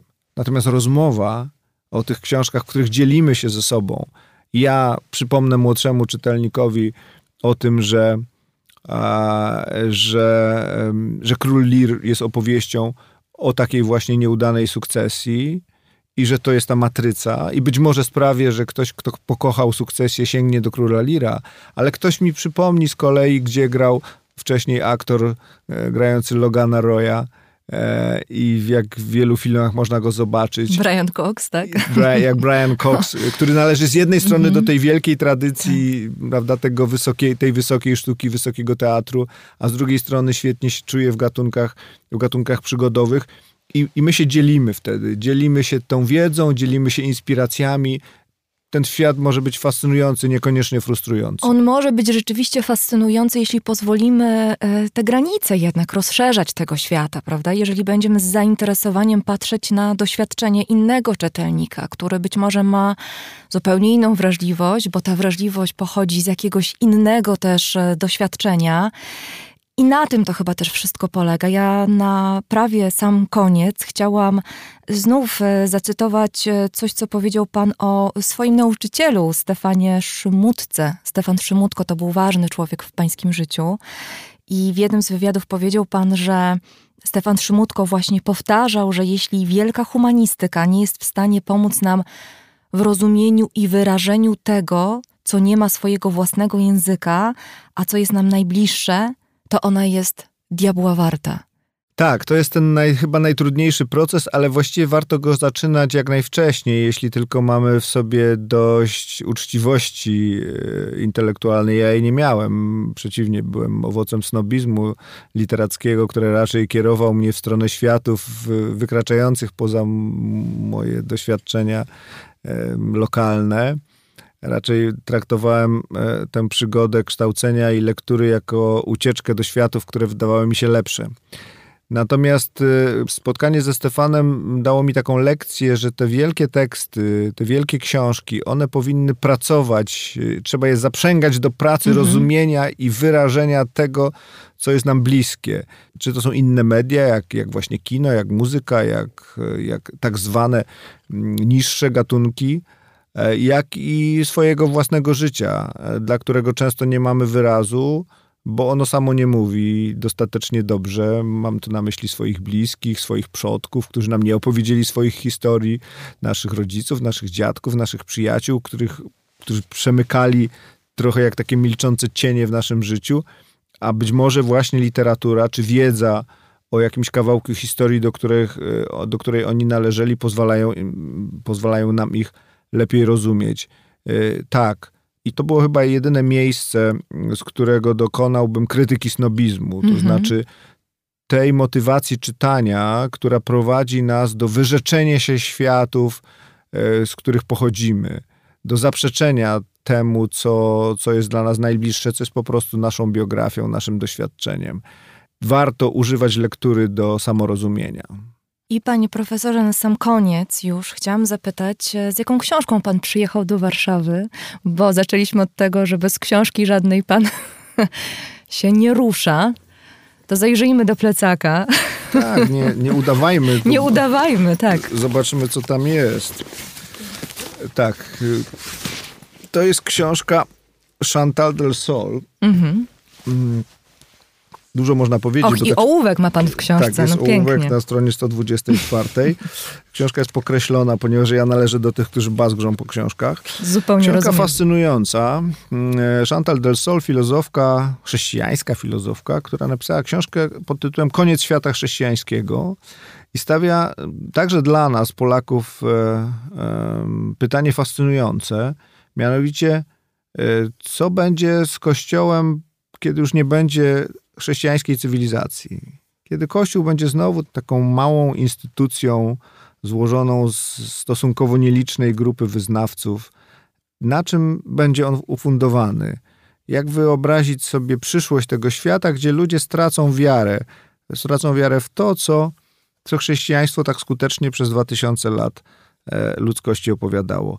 Jedna z takich e, książek, które zdecydowanie pozwalają mi rozumieć mój własny świat. Profesor Ryszard Koziołek, literaturoznawca, eseista, rektor Uniwersytetu Śląskiego, profesor w Instytucie Literaturoznawstwa Uniwersytetu Śląskiego, był gościem raportu o stanie świata sezonu nieugórkowego. Mogłabym pana słuchać bez końca. Bardzo dziękuję.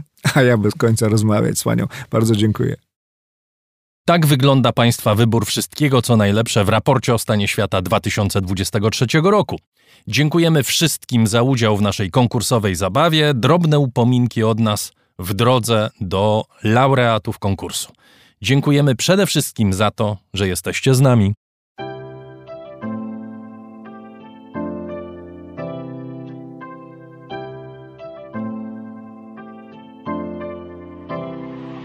Raport o stanie świata od marca 2020 roku rozwija się dzięki Państwa zaangażowaniu i szczodrości. To dzięki Wam możemy opowiadać o świecie przy pomocy dźwięków. Dzięki Wam ten program jest przygotowywany w profesjonalny sposób z zachowaniem najwyższej jakości, bo na nią właśnie zasługują słuchacze raportu o stanie świata. Z serca dziękuję wszystkim Państwu za wpłaty. Wasza hojność jest dla mnie ogromnym zobowiązaniem. Zbiórka na patronite.pl ciągle trwa, zachęcam do udziału. Najhojniejsi patroni raportu o stanie świata to firma Ampio Smart Home, hotel Bania Termal Iski w Białce Tatrzańskiej, oferujący pakiety pobytowe z termami w cenie. Centro Chem, wiodący dostawca surowców chemicznych dla Twojego biznesu. Firma doradcza Crido Galmet, polskie pompy ciepła. Sklep internetowy goldsaver.pl, w którym sztabkę fizycznego złota kupisz po kawałku i bez wydawania jednorazowo dużych kwot. Infinix, producent innowacyjnych smartfonów. Radosław Jotko. KR Group, firma outsourcingowa www.krgroup.pl Razem w przyszłość. Polsko-Japońska Akademia Technik Komputerowych Warszawa, Gdańsk, Bytom. Michał Małkiewicz. Northmaster, marka łodzi motorowych z Polski. www.northmaster.pl Firma Software Mill. Od zawsze zdalni programują dla całego świata. Dom wydawniczy Muza, bo świat nie jest nam obojętny. Pure Play. Transparentna agencja mediowa digital i doradca w budowaniu kompetencji in-house. Michał Sierakowski, nieznany sprawca tradingowego konkursu akademickiego Ustawka Technologiczna www.thebrawl.eu Uber. Myślimy globalnie, działamy lokalnie. A także artrage.pl. Kameralna księgarnia z e-bookami. Liceum Błeńskiej Gdańsk-Kowale. Przemyślana edukacja w dobrym miejscu. Michał Bojko. CIO Net and Digital Excellence. Łączymy ludzi i idee. Grupa brokerska CRB. Ubezpieczenie należności dla Twojej firmy. Bezpłatne porównanie ofert www.grupacrb.pl Crystal Mountain. Luksusowy hotel w Beskidach z niezapomnianym widokiem i aquaparkiem. Flexi Project. Kompleksowy i intuicyjny system do zarządzania projektami i portfelami projektów. JMP. Z miłości do sportu, z najlepszych tkanin w sercu Podhala szyjemy dla Was porządną odzież. Palarnia kawy La Cafo z Augustowa. LSB Data. Dedykowane aplikacje internetowe dla biznesu. Masz pomysł? Zrealizujemy go. lsbdata.com Wydawnictwo Uniwersytetu Łódzkiego. Wydawca książek serii Krótkie Wprowadzenie. Wszystko, co trzeba wiedzieć. Many Mornings. Pierwsza marka skarpetek nie do pary na świecie. Aplikacja Moja Gazetka. Polska proekologiczna aplikacja zakupowa z gazetkami promocyjnymi i nie tylko. Moja Gazetka. Kupuj mądrze. Firma ODO24. Optymalny kosztowo outsourcing ochrony danych osobowych ODO24.pl. Firma Prosper z Sosnowca, hurtownia elektroenergetyczna i właściciel marki Czystuś. Marcin Rzeszutko, Mountain Running Guides, plany treningowe dla biegaczy i sportów kondycyjnych, mrguides.pl Tix.pl, niezależny serwis biletowy. Sprzedamy bilety na Twoje wydarzenia kulturalne i sportowe. Drukarnia cyfrowa totem.com.pl. Wspieramy wydawców i self-publisherów. Drukujemy najpiękniejsze książki. Fundacja Wasowskich, opiekująca się spuścizną Jerzego Wasowskiego i wydawca książek Grzegorza Wasowskiego. Szczegóły na wasowscy.com. Michał Wierzbowski. Wayman oprogramowanie wspomagające firmy inżynieryjne w zarządzaniu projektami, stworzone przez polskich inżynierów dla sektora projektowego. www.wayman Software.